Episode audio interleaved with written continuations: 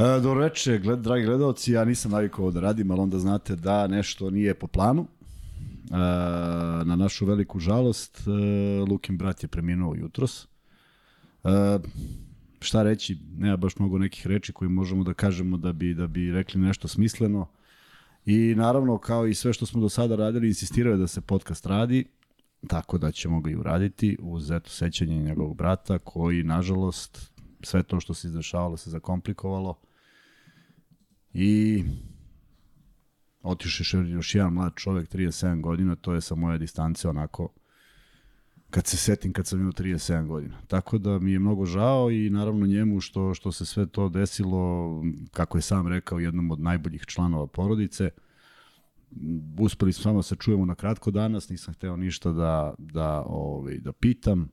Imali smo mnogo planova za danas kojim smo hteli da vas eh, na neki način obradujemo, sve je to stalo, ali je razumljivo što je stalo i neće stati ne znam koliko, nego samo malo da se neke stvari dovedu u red, da se da, da, da, da, da malo a, se slegnu ti utisci koji sigurno nisu nešto što što želimo da iskusimo, tako da eto sva, nje, sva podrška i kada se Luka bude vratio, ja ne mogu da vam kažem kad će tačno da se vrati, ali a, insistiraju da podcast nestaje. Mi smo imali plan i taj plan smo eto delimično i ostvarili da nam u goste dođe Marko Vlahović. Marko je sa nama uh, večeras. Marko, hvala ti što si došao. To je trebala budu ideja da nas trojica pričamo o predstojećem derbiju, ako ćemo nas dvojica to uraditi. Žao mi je što možda atmosfera neće biti na ono na koje ste navikli, da ima mnogo neke šale i svega, ali potrudit ćemo se i Marko i ja da vam, naravno i Vanja je tu, da vam i ovaj podcast prođe onako u jednom uh, dobrom da sa dobrom energijom i da neke stvari koje želimo da kažemo čujete, naravno vezane su za derbi i za sve nešto se dešava, ali ja želim da otvorim podcast nečim što sam prošli put zaboravio. Kao što vidite, tu je ovaj krema Gavez, ona, ona o kojoj ja stalno pričam e, i naravno da hoću da pomognem Draganu i njegovom sinu da se to izreklamira, zato što znam da to radi. I prošli put uh, sam ostao dužan jednu interesantnu priču vezano za Dragana, a to je osim Gaveza koja je divna priča, on ima u kolekciji svoje neke neverovatne stvari koje mi je iskopirao i ja sam sad došao da vam kažem šta mi to, na primjer, ovde imamo. Evo, ako ovo je fotokopija, ne morate baš nešto, jako se teško vidi i ovako i onako. Ali apropo 100 godina e, košarke u Srbiji, ovo je fotokopija originalnog zapisnika prve jugoslovenske utakmice na svetskim prvenstvima. Jugoslavija je izgubila, to ima, to ima Dragan posjeduje u svojoj kolekciji originalno, na jednom masnom papiru. To je kolekcionar. Da, da, ne možeš da veruješ da. šta ima. E, obožava košarku, obožava sport, navija za zvezdu, ima tu neke neverovatne stvari vezane za zvezdu, ali ovo je, ovo je, zašto je ovo posebno? Zato što je ovo prva utakmica Jugoslavije i još nešto što je neverovatno, upisano je u, u ovaj, upisano je u uh, ovaj izveštaj Nebojša Popović je postigao prvi poen za Jugoslaviju na svetskim prvenstvima. I upisan pa simbolično, zar ne? I upisan je tačkom, da, da. prosto neverovatno. Upisan je tačkom, imao je dva slobodna bacanja, jedno je dao, jedno je promašio. Jugoslavija je izgubila 33-27 i sad ja sam uspeo naravno da vidim, nisam, nisam išao toliko daleko da pogledam ko je bio sastav, ali tu je i Kalember, tu je Gets, tu je on, tako da ima tu plejada onih ljudi o kojima smo pričali, koji su stvarali košarku i ako ja dobro vidim ovde, ne vidim, ne vidim ovaj, e, šta piše, ali e, mnogo mi je drago da imamo makar i kopiju, a da vam kažem kakav je papir, e, Dragan ga je, kad ga je dobio... Si, kad... si video ti lično? Da, da, da, da, da doneo ga je. On ga je istog sekunda ubacio u fasciklu, fasciklu da, i da. uradio je 10 kopija i to je to. Nikad je više nije vadio iz fascikle, što je potpuno onako genijalno. Onda ima još nekih neverovatnih bogatstava. Daj ti ovde. meni da ja vidim to malo bacim Aj, pogled. Ono, pa ono što je možeš, prošlo već, da. Ej, ti možeš da vidiš Možda mogu da vidim. Da, da, možda možda vidiš ko su. Pa onda, na primer, kažu da je ovo ugovor Nebojše Popovića kao trenera sa Crvenom zvezdom na osnovu kojeg su napravljeni svi kasniji ugovori u Jugoslaviji. Ej, to je potpuno neverovatno. Evo ga kako izgleda a, mašina, ne znam da li ove nove generacije znaju šta je bila. mašina za... mašina, da. Ovaj, I piše koji je, koji, ovaj, koji je cena ugovora i tako dalje. I kaže, obaveze dužnosti i prava kluba. Pazi ovo sada da štiti autoritet trenera. Da treneru omogući nesmetan i pravilan rad. da treneru pruži punu pomoć i podršku u rešavanju svih pitanja koja su u neposrednoj vezi s njegovim radom, a u cilju što boljeg uspeha kluba da prema mogućnostima pomogne stručno uzdizanje trenera, da zahteva od trenera njegovo potpuno angažovanje u cilju što boljeg sportsko-tehničkog i vaspitnog rada i tako dalje. A onda ima i fantastičnih 15 dužnosti trenera, 8 kluba, dobro, to je, ta, to je tako vreme bilo. I naravno, ovaj, sve ono što, što smo svi imali u ugovorima i samo je ovde interesantno da mora tri puta nedeljno da se trenira, to je bila obaveza. Minimum ili... Minimum, najviše do 3 časa nedeljno. Optimum. Najviše do 3 časa nedeljno. Tako da to su interesantne stvari koje, eto, drago mi je da ih, da ih je ovaj, Dragan napravio, a onda ima ovde mnogo nekih uh, uh, diploma i pohvala koje je dobio Nebojša Popović. Ima i njegova diploma za uspešno reprezentovanje našeg sporta u inostranstvu i tako dalje. A evo nešto, evo kako izgleda ta jedna pohvalnica, ako tako mogu da kažem pohvaljuje. Sad pazi ovo nešto što smo ovaj, mi, ti si mlađi, ali mi smo negde ovaj, to, to u našem detinstvu i čitali. Kaže, pohvaljuje druga Nebojšu Popovića, trenera petostrukog državnog prvaka Crvene zvezde za požrtvovan i samopregoran rad u 1950. godini. Znaš ti koliko ovo vredi ovako, kad imaš da, da. nešto. I onda još jedna stvar, neću mnogo da se ovaj zadržam, još jedna stvar, a to je sad znate da se sve pravi onako nešto u retro fazonu. Pogledaj kako je 75. napravljena zahvalnica Nebojša Popovića. Jel da, čoveče, da, ko... ultra originalno kao da je sad rađeno. Da, 75. Da, 75. Meni ovo liči kao neki gimnazijalac, ono, kada, kada Ali crta, vreme, mladalački da, skroz. Da, da, da, vreme da. sporta i razonode uz nas zahvalnosti. A, vreme sporta i razonode da. na Radio Beogradu. Da. Jest. Milivoj Marković, 15 godina jubilej, radio televizije Beograd. Eto, genijalno. Pa, za one koji ne znaju, a nisu ni gledali ovaj film, Nebojša Popović je i, i televizijski čovek zapravo. Tako da, je, zato što on je, kako ima ona priča, on je izdejstvovao da postoji uh, poseban televizijski termin za za utakmice košarkaške lige Jugoslavije, tad ne znam Ne, ne pojma, ne subota popodne ili nedelje popodne A, bio je zakucan da termin, da, da, da, da, da zbog, određenom, tako zbog je. televizije i to je išao termin koji je... On je obezbedio tako nešto, da. Genijalno, o, eto, to su neke, neke neverovatne stvari koje Dragan ima u svojoj kolekciji i uh, to sam prošli put zaboravio, onaj ponedeljak, da donesem, ali evo iskoristio sam priliku i još da ovaj, kažem da da uh, sam ja uzao u mast i još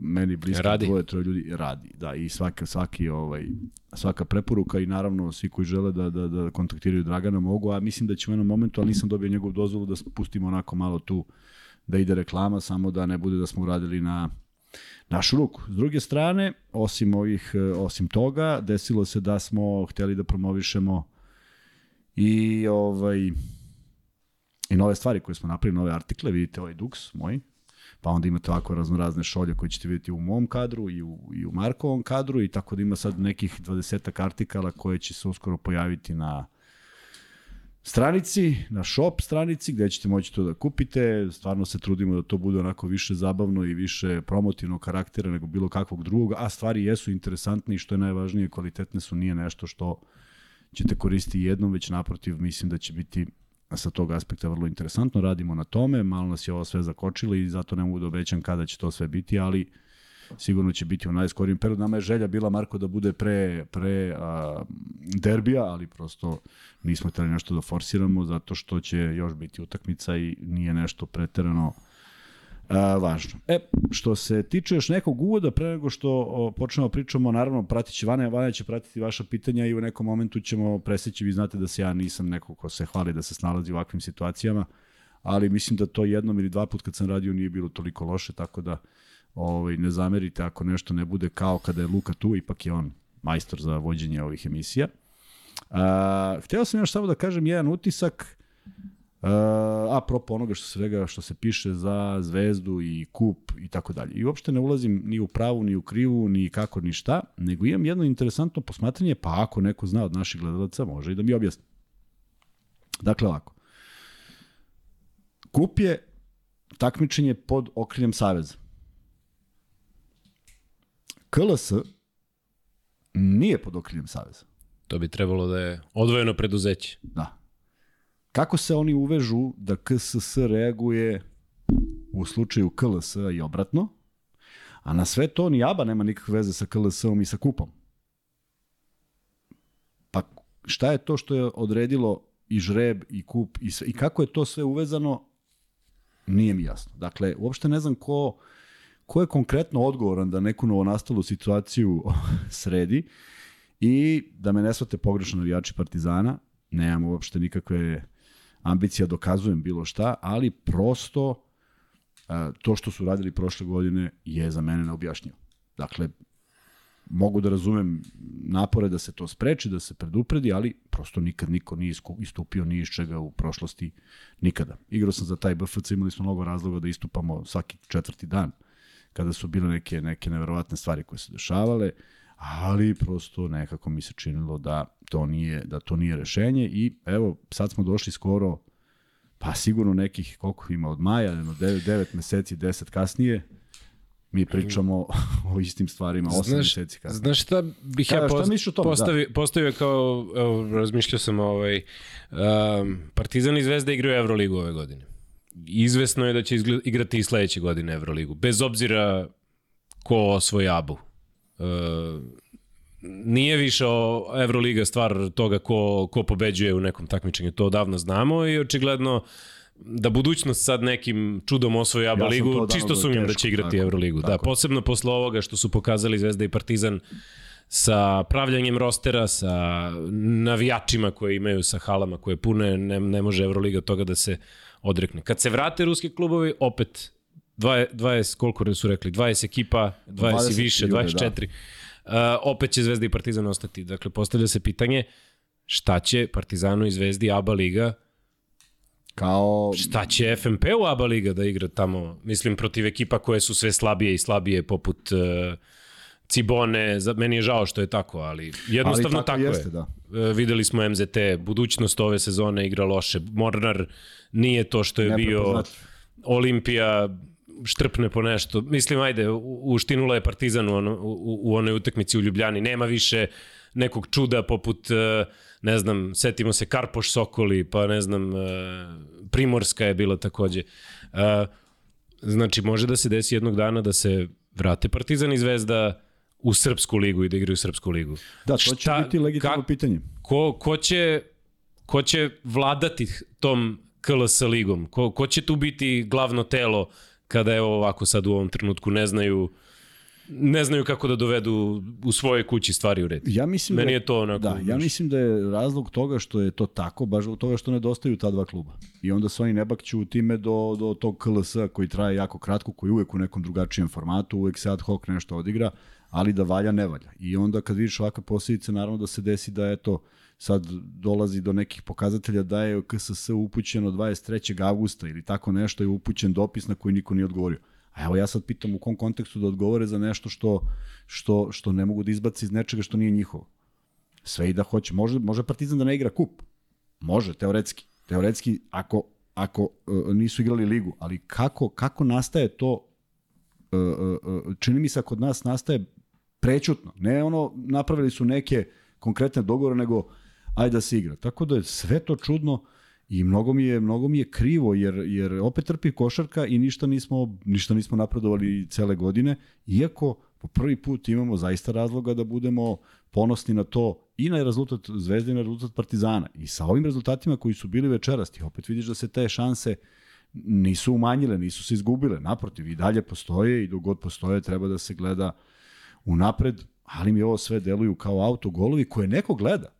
Što je najgore, neko to gleda i neko se smeje tome šta se dešava u zemlji. Ja nemam imamo problem da smo i neka zemlja koja nikad nije imala dobru košarku pa se negde probijamo, ali mi smo nekad bili sinonim za, za, za, za najbolje. Prema tome, žao mi je što dolazi do ovoga i ne vidim kako će se rešiti, ne vidim koji autoritet postoji to da reši i mislim da ćemo opet pristupati nečemu što ja odavno priželjkujem, a to je da mi pričamo o košarci, a mi stalno da. pričamo o nekim stvarima koja nisu, nisu, nisu mislim košarka. Da, mislim da su, da, da ta super liga koja nastaje, da ona onako baš pravi uh, zna, uh, nema vremena da se ona odigra, a nužno je da se odigra. A glupo je da imaš tako, dve grupe. Tako. A glupo je da imaš u dve grupe dva tima koji imaju uh, 6-0 ako imaš dakle četiri ekipe i onda bolja ekipa je iz ABA lige ima prednost domaćeg terena u finalu. mnogo pravila koja nisu kako treba i to nekako treba podvesti pod re, u red i da svake sezone bude isto. Ne može kad je... Ali... To je ono pitanje. Kada bi Zvezda i Partizan otišli na Final Four, više ništa nije isto. Da. Ti nemaš kada odigraš to. Da. Ni, ni u bilo Jest, kom, tačno, ni u najkraćem tačno, tačno, mogućem sadržaju. Da igraš do 15. jula. Tako. I šta sad? Svi se raduju kad ovi ispadnu i kao, uf, kao, dobro je, možemo da odigramo ligu. Nije valjda Ili to kako rešenje. su bile one situacije da e, Partizan je imao utakmice po mesec dana, dva meseca, zato što je da, čekao da se nešto završi. Da. da. Ne, nije, mnogo toga, a ništa nismo, kako bih rekao, ne naučimo ništa iz jedne sezone. Znaš koji bi ja imao? Koliko ima klubova iz Srbije sad u ABA ligi? Ima? Pet. Pet. Predlog. Kako bi bilo utakmice između, između, Pišivanje. Između srpskih timova te utakmice, ti, znači tih pet ekipa koji igraju, da se računaju. računaju se kao za Srpsku ligu, dodaš još tri kluba u nekom trenutku, dakle ovih pet odigraju sa tih tri. Predložio ja to dok sam bio u Savezu. Šta ste rekli? Pa ništa. Jer vidi, tu uvek postoji... Tu... Nemoj Kuzmo, te je mnogo pametno. Da, ne, ne. To je, ja sam pitao zašto ne računa, jer onda kaže, pa zato što svi žele, svi ovi klubovi iz KLS žele da vide najbolje. Pa najbolje će i videti. A sad pa nećemo, hoće. Tako je, nećemo gledati. Međutim, nije, pre, nije prevagnulo to zato što, zato što KLS, KLS, prosto ne zanima da gubi broj utakmica, al tako? To su ljudi, mm. delegati, sudije, da, svi žive od da, da. I on Dobro, ima, što... Da. Ali al to se kosi sa onim što bi... Znači, mora postoji neka strategija jasna šta se u, u stvari traži. Međutim, toga nema. I onda bi neko rekao, e, onda sad neko kaže, e, jeste, ali oni su odigrali prvu utakmicu u sezoni u ABA ligi u oktobru, a tad nisu igrali ovaj, ovaj, ovaj, ovaj, ko zna šta bi bilo sada i tako dalje. Pa eto, sad će Zvezda tako zbog korone igrati sa CD-vitom Olimpijom tek kad se završi ABA liga, dakle, da, tek na kraju. Da. I ko, ko će Kada... Li... Pa da. Mora vrati neki. A tad je Zvezda izgledala potpuno druga, drugog trenera. Tako je, tako je. Mislim, ovde... Mislim, ali to je, to je neki objektivni razlog. Da, Šta ovde imaš da kažeš. Mada, mada, ako se sećaš, Zenit je odigrao posljednju utakmicu regularnog dela posle kraja. To je skandal, dobro, to je skandal. Da, e, to, je... to, je, to je ono gde Euroliga pravi sebi autogolove. Dakle, moraš.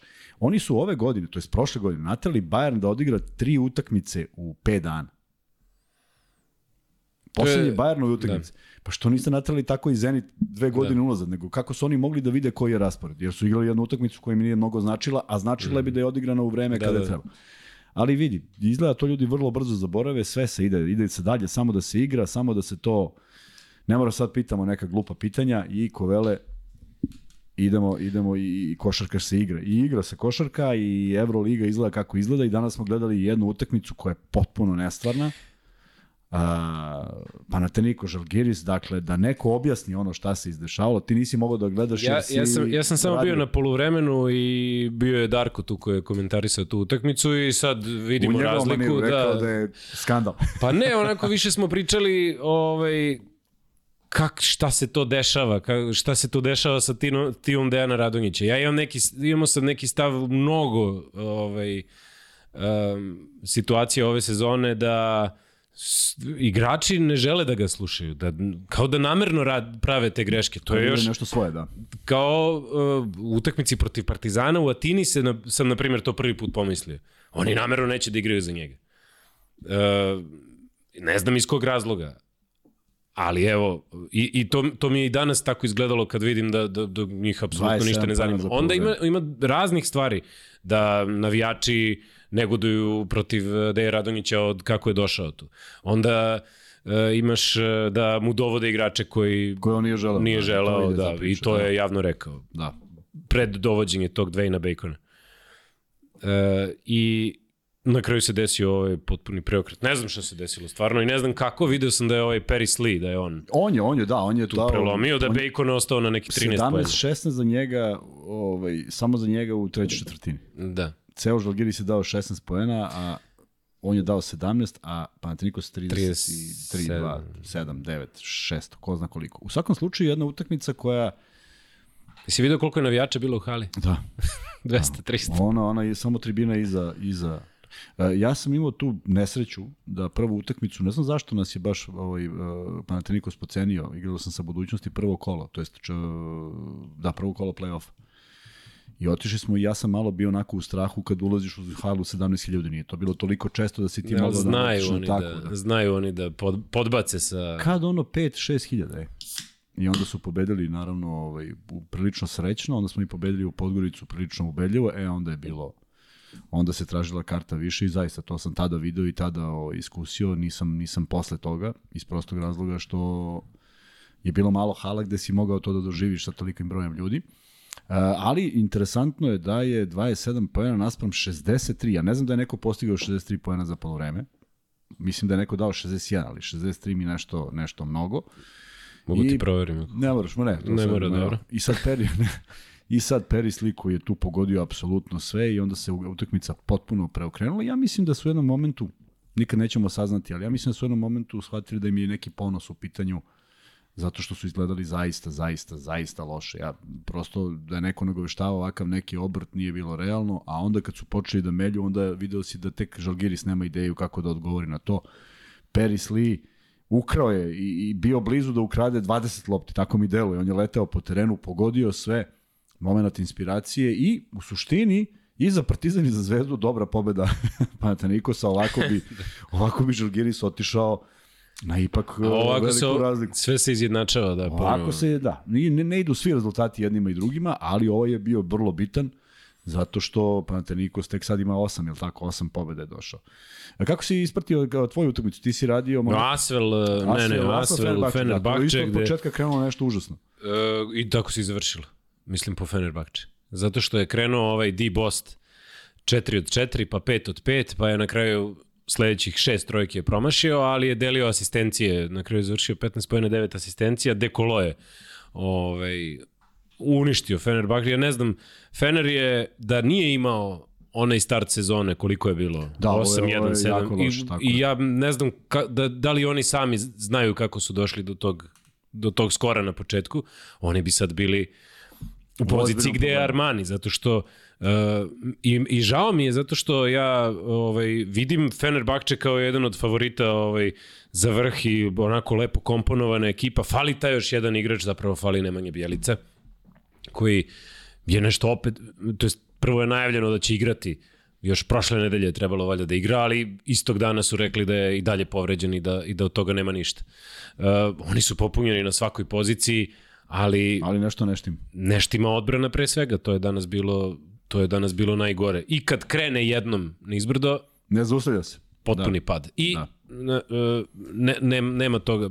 Posebno protiv Asvela koji koju ja ne smatram za neku ozbiljnu ekipu i ekipu koja ne zna da reši neke situacije, kad im odsečeš dekoloa, mada je to jako teško, ali neke ekipe su to stvarno radile, kad im odsečeš dekoloa, manje više ove, ovo, ovo ostali deve. Posebno danas su imali 10 igrača, oni su bili bez onog Matthewsa i bez Lightija, Naravno, bez Lovernja. I očekuješ negde neki Izna... lakši, lakši meč. Da. da I znaš ko je odigrao? Zakarir i Zašer, 17 godina, 10 pojena čovjek ima. 17 godina pa sin i, ovog... I Polonara je zvizno 10 zvezdi, jest. a danas je za 17 minuta jedva nekako ubacio dva i nekako mislim da je to više njegovo izdanje. To zvezdi samo pokaže šta, samo da šta propuštaju. Kad igra protiv Srbije i protiv zvezde. Ne. I, ovaj, I da, potpuno si u pravu, tu, tu očekuješ neko lakšu utakmicu, ono bude sve naopako. Zato i jeste, i s jedne strane to jeste onako nepredvidivo, pa bude interesantno. Ali s druge strane ne objašnjamo da neke e, ekipe ne mogu da igraju u nekakvom kontinuitetu, nekako su, navikli smo da te ekipe drže do sebe i da imaju neke sisteme, očigledno nešto se dešava da mi ne vidimo šta je. I Barcelona Real je danas bilo toplo-hladno od da. jedne velikog vojstva Barcelone, da bi Real došao na četiri poena vođstva u produžetku, prvo, prvo, prvo i najveće vođstvo. Dakle, oni su došli do dva koša prednosti, pa završiš utakmicu opet u nekom neverovatnom spletu okolnosti loših rešenja, završnica utakmice i korac i Mirotića i, i korac i Ljulja i stvarno je sve onako bilo bez veze. Video sam da je um Fernandez, Rudi Fernandez da je provocirao publiku, yes, čak onako yes, malo yes. bezobrazno tražio da, podršku. Čute, pa da. Mislim, Vizing centar je jedan od tiši, tiših yes, dvorana yes, u, yes. u Euroligi. Popunjenost je u principu uvek tu nekih 7, 8, 9 hiljada, ali jel, klasiko se igra, ne možeš da ćutiš dok, dok traje ta da, utakmica. Da. I... On je pokušavao, pa je još neko pokušao, uh, mali Musa, mm -hmm. ali nije se ništa mnogo naročito dešavalo. I onda je Barcelona ušla u jednu završnicu koja treba da bude malo sigurnija, imali su taj napad, međutim, posle Mirotić je šutno na kraju utakmice, ne, na, na kraju tog regularnog dela je šutno negde sa približno istog mesta promašio za pola metra, što je možda i očekivanije nego od onog savršenog šuta protiv Zvezda, ali eto, i Barcelona posrće u smislu jedne kontrole utakmice, ekipa koja je popunjena, što kažeš, na svim pozicijama takođe, ali ne mogu da završe utakmicu, a Real se nekako borio za život, naročito kada je Tavares izašao iz igre, onda to više nije bila ta ekipa, ali eto, Ljudi. Ja, ne, ja ne znam šta je više konstantno u Euroligi. To, Ove, to. Potpuno, znaš, to je ne znam, ili Alba izgubila večeras. Yes. To je jedino, ma i ni to nije više konstantno. I nije, oni znaju i oni da... su pokušavali i bili blizu i tri puta pravili faul, samo su ovi izgrači iz Valencije dali sve i onda taj posljednji napad nije mogao da, da, da završi. Četiri razlike je bilo tako i da su dali, trojku ništa se ne bi desilo, ali opet neočekivano ovaj, teška utakmica za Valenciju, mada Dubljević nije igrao jer se povredio. Tako da svi su nekako u nekim problema koji traju. Vidiš koliko traju te povrede i odsustva igrača. Što ti sad spomenuo Bjelicu, ja sam zaboravio da je on došao, a ne da, da, da kad će da uđe da igra. Nisam ni računao da će ući, ali vidiš... To je, oni su njega doveli, potpisali da. ugovor potpuno zdrav, uh, potpuno zdrav igrač bio, da. znači on da. se povredio na pripremama reprezentacije i od tad ga nažalost nema, da. a, a verujem da je spremao onako baš veliki povratak u Evropu. Ja mislim da je želeo, da, da mu je dosadilo tamo da bude i da jednostavno želeo da pokaže da još može da igra i nije on u nekim godinama da ne može, tako daleko od toga. Tako da su e, vrlo nepredvidiva Evroliga, a e, favorita onakvih kakve smo navikli prosto ne vidimo iz utakmice u utakmicu, to je sve drugačije. Pogleda jedan Žalgiris koji je protiv Zvezda odigrao utakmicu ozbiljno, karakterno ozbiljnu, u smislu bio tu, bio tu, raspao se potpuno, kako je završio onih 5 minuta protiv Zvezde, tako je sve bilo kontra na ovoj utakmici protiv eh, Panathinaikosa u drugom, celom drugom polovremenu, ali eto, to se dešava i, i zato i kad me neko pita kad mislim da je kraj, kraj je kad matematički budeš izračunao da neko može ili ne može. Sve do toga, svi pričaju, kaže, dolazi Fener, da li Zvezda ili Partizan, pa, Šta je sad tu Absolutno. neki šta je sad tu neki bauk? Evo videli smo ih večeras ni ni ni, ni blizu onoga što se očekivalo od njih. Pričali smo Miće i ja, ovaj Miće Berić i ja o, o, o tome kakva gostovanje i utakmice kod kuće ima Partizan recimo. Stvarno kod kuće Teški, dolazi jest. Real, dolazi Barsa, dolazi Fenerbahče, e, dolazi ko će još doći? E, nema veze, ajde Panathinaikos da, će doći. Da, ovo su tri najveća, naj, su, da. najbolje da. plasiran. Uh, znaš, Šta, šta, zašto? Zašto Efes ne može? je, Efes je pao, što, da. što sad, mislim, i to u trenutku kad je Efesu baš značilo da, da pobedi, tako, ne samo tako. za rezultat na tabeli, nego zbog svog tako. samopouzdanja, Efes tako. je izgubio. U tom trenutku Real i Barsa će doći u duploj nedelji. Sve je moguće, pa zato ti kažem, nije ništa nemoguće, a pritom niko ne igra toliko ubedljivo da ti kažeš ne. da sad protiv nekoga ne možeš. Što daje... Mislim, sve, sve će biti do trenutka, znaš, možda u tom trenutku Partizanu bude strašno značilo, možda mu ne bude ništa znači. Svakako kod kuće. A opet i kad ti ne znači ništa... Možda da igraš rasterećeno i da napraviš problem. Svakako kod kuće znači, zato što stvarno mislim da ako neko, ako kogod da dođe do 17 pobjeda, taj je napravio veliku stvar u ovogodišnjoj Euroligi. To je već prva stvar. Druga stvar, da li će biti dovoljno, izgleda da neće. Treće, ne možemo ni to da znamo jer se dešavaju stvarno neki neočekivani rezultati. Mogla je Alba da pobedi Valenciju i da ih vrati korak unazad vrlo lako. Nije to bila neka ubedljiva pobeda. Tako da, e, sviđa mi se samo ta jedna stvar što su uveli, ajde da kažeš da je slogan, svaka utakmica važi, ali mi deluje da niko ne prepušta slučaju više utakmicu. Znaš, koliko god mogu odigraju, nije, nije, nije nešto, e, više nemamo šanse i voleo bih da ne vidim ekipe koje gube šansu, šansu za plasmanom, I ostaju da dole. Da. Ne, to je, onda, to je onda prava stvar. Međutim, čekaju nas četiri utakmice sutra. Naravno, pričat ćemo posle o derbiju. Šta nas još čeka? Hoćemo da pogledamo, pošto treba iz glave izvući. Da, da, ja pojma nemam koje su četiri utakmice sutra na programu da, četiri derbija. interesantne ali... utakmice. Mislim, svaka je nekako za sebe. Ja sam uspeo da pogledam u, ovoj, u ovome manje više sve te bitne momente, tako da ovo što pričam znamo o čemu... Baskonija. Kuzma, Baskonija, Efes. Baskonija, Efes, Efes koji je uzdrman, Baskonija koja je takođe u nekom padu rezultata. Mnogi, mnogi prognoziraju da Baskonija neće ući u top 8. Šta misliš, Marko? Jel ima i verovatnoće u tom? Vidiš sad ovo, interesantno što im se desilo sa ovim uh, Henryjem, izgleda da je pao na nekom doping testu al, da. i nešto, ali Svi su Da li nije zvanični doping ili nešto, da, ne znam. možda nešto... Ali ozbiljan problem, naravno, za ekipu i sad treba to, i to kompenzovati na neki način. Tako da od njegovog odlaska iz Baskonije ništa. Da, e, ali meni je, meni je njegov dolazak u Baskoniju bio onako odlična stvar, jer oni, taj Darius Thompson su se onako jako lepo Lepo dopunjavali. Nešto mi tu e, ne izgleda dovoljno ubedljivo. U Baskoni e, mada ja onako gotivim kada oni igraju, kad igraju, kad igraju kako treba i kada, i kada to ide ovaj, svojim tokom, mislim da oni pre svega odbranu moraju da počnu da igraju da bi igrali, da bi igrali playoff, to je, to je definitivno. Da, ok, igraju, što ovaj čovjek trpa yes, sve te poene. Igraju lepo, da, igraju oni lepo lapršao u napadu, ali kad, da. ali odbrana nije nešto što, što im je jača strana. Ali vidi, e, stvarno su igrali lepu košarku i dalje igraju lepu košarku, ali nekako rezultati, pa izgubiš od dva nemačka kluba, da najmanje očekuješ da Baskonija kiksne. Izgubiš i od Bajerna i od Albe. Mislim, neverovatne stvari, a pobeđi oni su sigurno i teži protivnici, ne sigurno, nego da. Sigur, svakako su pokazali jedan kvalitet. Tako da čude neke stvari na tim momentima očigledno padaju i tu ima nekih psiholoških verovatno momenata koji nama nisu ovaj pristupačni pa ne znam do, o čemu se isto, radi. Isto tako ovaj, u, u Baskoni dosta debitanata. I Joan Penjoroja mm. nikad nije vodio ekipu Jeste, u Euroligi, toga, taj Marcus je. Howard nikad nije igrao Euroligu, tako taj Darius Thompson nikad nije igrao Euroligu pre ovoga, prema tome, to su sve da, negde... Da, sigurno da ima tu oscilacija koje, koje ne primećujem. A, na primer, igrač koji tamo je najbolji, to jest e, ne najbolji, nego najveće iskustvo, Giedraitis, on igra najlošiju sezonu od svih. Kao da su svi u, u rastu, onako, on imaju progresiju, a on, a on ne može da pogađa yes, trojke, yes. Što, što mu je najbolji deo igre. Olimpijakos Makabi, Olimpijakos sigurno želi u top 4, imaju Jest. tim takav, Makabi još ne pobeđuju gostima, ako ne krenu da pobeđuju, bit će ona klackalica, ako budu samo kod kuće bili Ja stvarno u Makabiju ne vidim, ne vidim ništa vredno top slažem 8 se, i kad ja sam video kako da dovode igrače, kako su Tako svakim je. danom po jednog 11-12 igrača su promenili zaista ovaj i ne vidim ništa ni u njihovom treneru i i i mnogo me boli što su ovaj što su tu tako jesu. lako dobili Partizan da. da i što su tu da jesu. Što su tu Ako moram toliki o, toliku mržnju prema prema njihovom načinu igre da izrazim, ranije su oni stvarno izgledali dobro, ali da Ali evo, nalaze se na osam mesta. prethodnih sezona. Oni su sad tu na 11-9, posljednja ekipa koja je na 11-9, zašto je Valencija došla do 11-10, još samo Baskonija koja takođe igra sutra ima isto 11-9, ali im se u jednoj uh, od te dve ekipe, ako pobedi neka od te dve ekipe, približit će se Žalgirisu koji je na 12-9. Uh, ostao je uh, Bayern Virtus. Bayern Virtus. Virtus ako želi bilo šta da uradi, on mora da pobedi u toj utakmici. Ja stvarno ne znam kako, jer Bayern je opet pokazao neku nevjerovatnu snagu da se vrati iz utakmice protiv Efesa.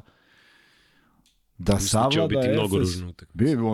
Ja ne očekujem od Bayerna ništa lepo, ali, ali ti kad shvatiš da je Otelo Hunter postao šuter na četvorci, si to je najveća ti, misterija. Ali si ti video koliko ovaj, igrača kod Trinkjerije, tako, još nekoliko, a sad da, ne da, mogu da, da, se setim, nema šanse, ali... Ali on istraje, on, on hoće da istraje u nečemu i da dobije neku drugu ulogu i Otelo Hunter postao šuter. Kao što ne Bonga, meni nije ni ja, još uvek mi nije jasno koju on poziciju treba da igra i, i šta Bonga. se dešava. Da. Trojka, četvorka, šta je on? Je na kecu i čuva kečeve i uvek nešto prevodi loptu. Sve je čudno, ljudi vole da istraju, ja nemam problem s tim, ali Teo Gastin Rubit počinje da igra jako dobro, mislim počinje, Jest, počeo davno da igra jako da, dobro i... Ovo se i... ostalo promenjivo dosta. Fali im Lučić mnogo. Da, da, da, to i to je... se osjeća jedna stabilnost na terenu. U svakom slučaju, ovaj, uh, dolazimo do, do, do omiljene utakmice sutra, to je drugi derbi u ovoj sezoni. Uh, A, ajde da ubacimo sad i Zvezdu i Partizan u priču. Zvezda 11. sa 10-10, Partizan jedan poraz, jedna, jedna pobeda manje, 9-11. A, izlišno je pričati koliko i jednoj i drugoj po ekipi ta pobeda znači. Dolazi u, za nijansu boljem momentu Zvezdi, zato što ima upravo tu pobedu više. više. Uh, svi pamte onu Nedovićevu trojku, ne u nekom likovanju, nego je zaista rešila taj meč.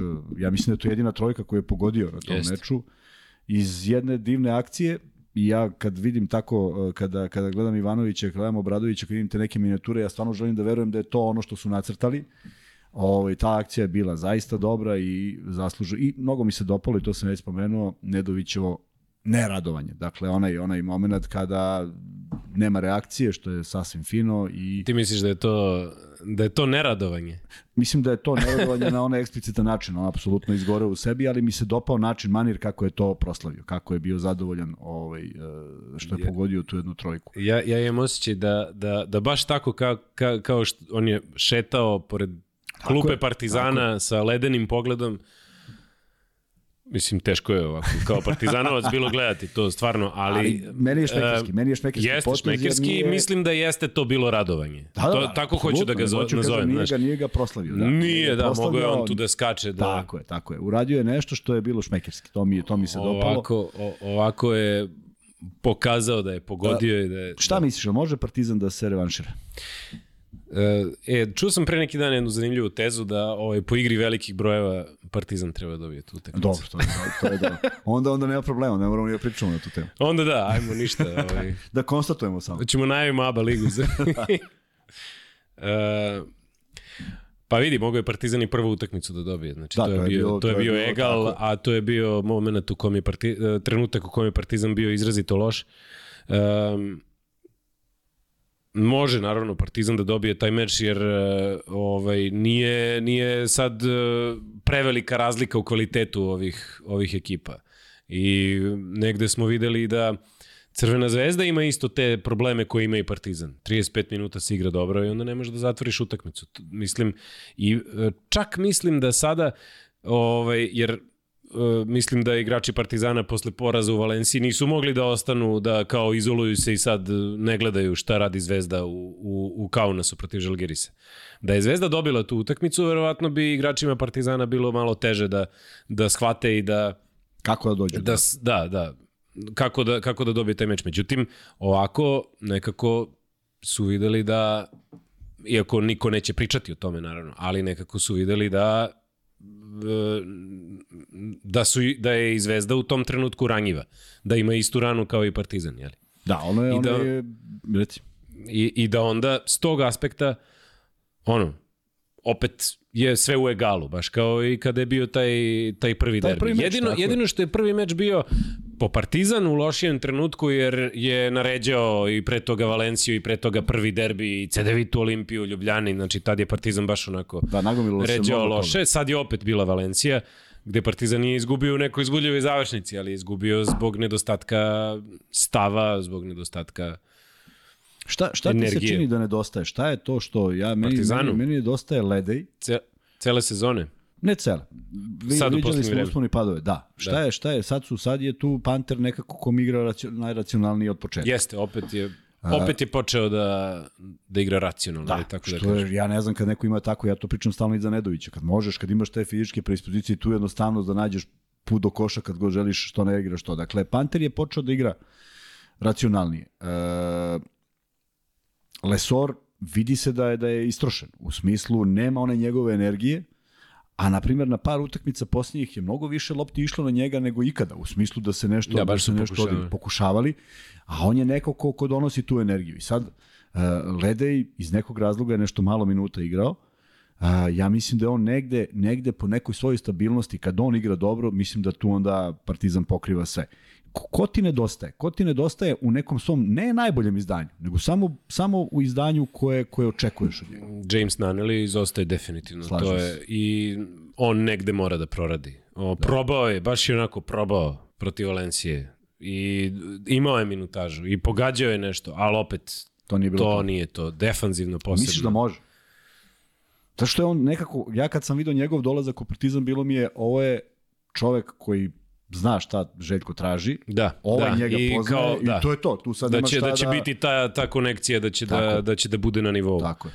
Uh, mo, mora, zato što nema, nema Partizan mnogo drugih opcija. Ima sada Uroša Trifunovića u stvari koji, koji jeste da je tu i da. on zapravo popunjava njegovo mesto. Nje, menja, uzima njegove minute, zar ne? I da. uzima njegove i šuteve, bogem. Jeste.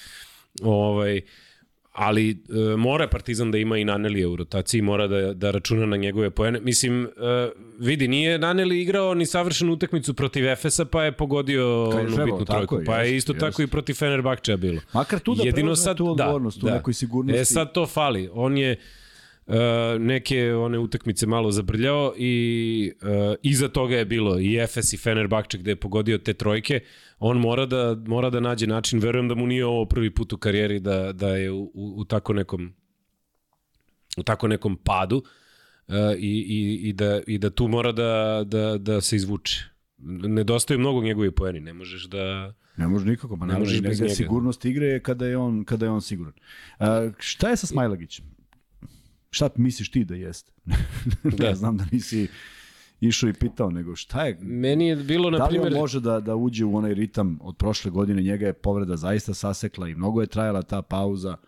Da li on može da, da, da se vrati u neku... Video si kako on igra kada, u stvari svi igrači Partizana kako igraju kada je to na, na domaćem parketu. Drugačije, naravno. Svi tako gore, ono, napaljeni. Mislim, e, i, i nije Smajlagić neko ko treba da počne utakmicu od početka. To mi je prvi utisak.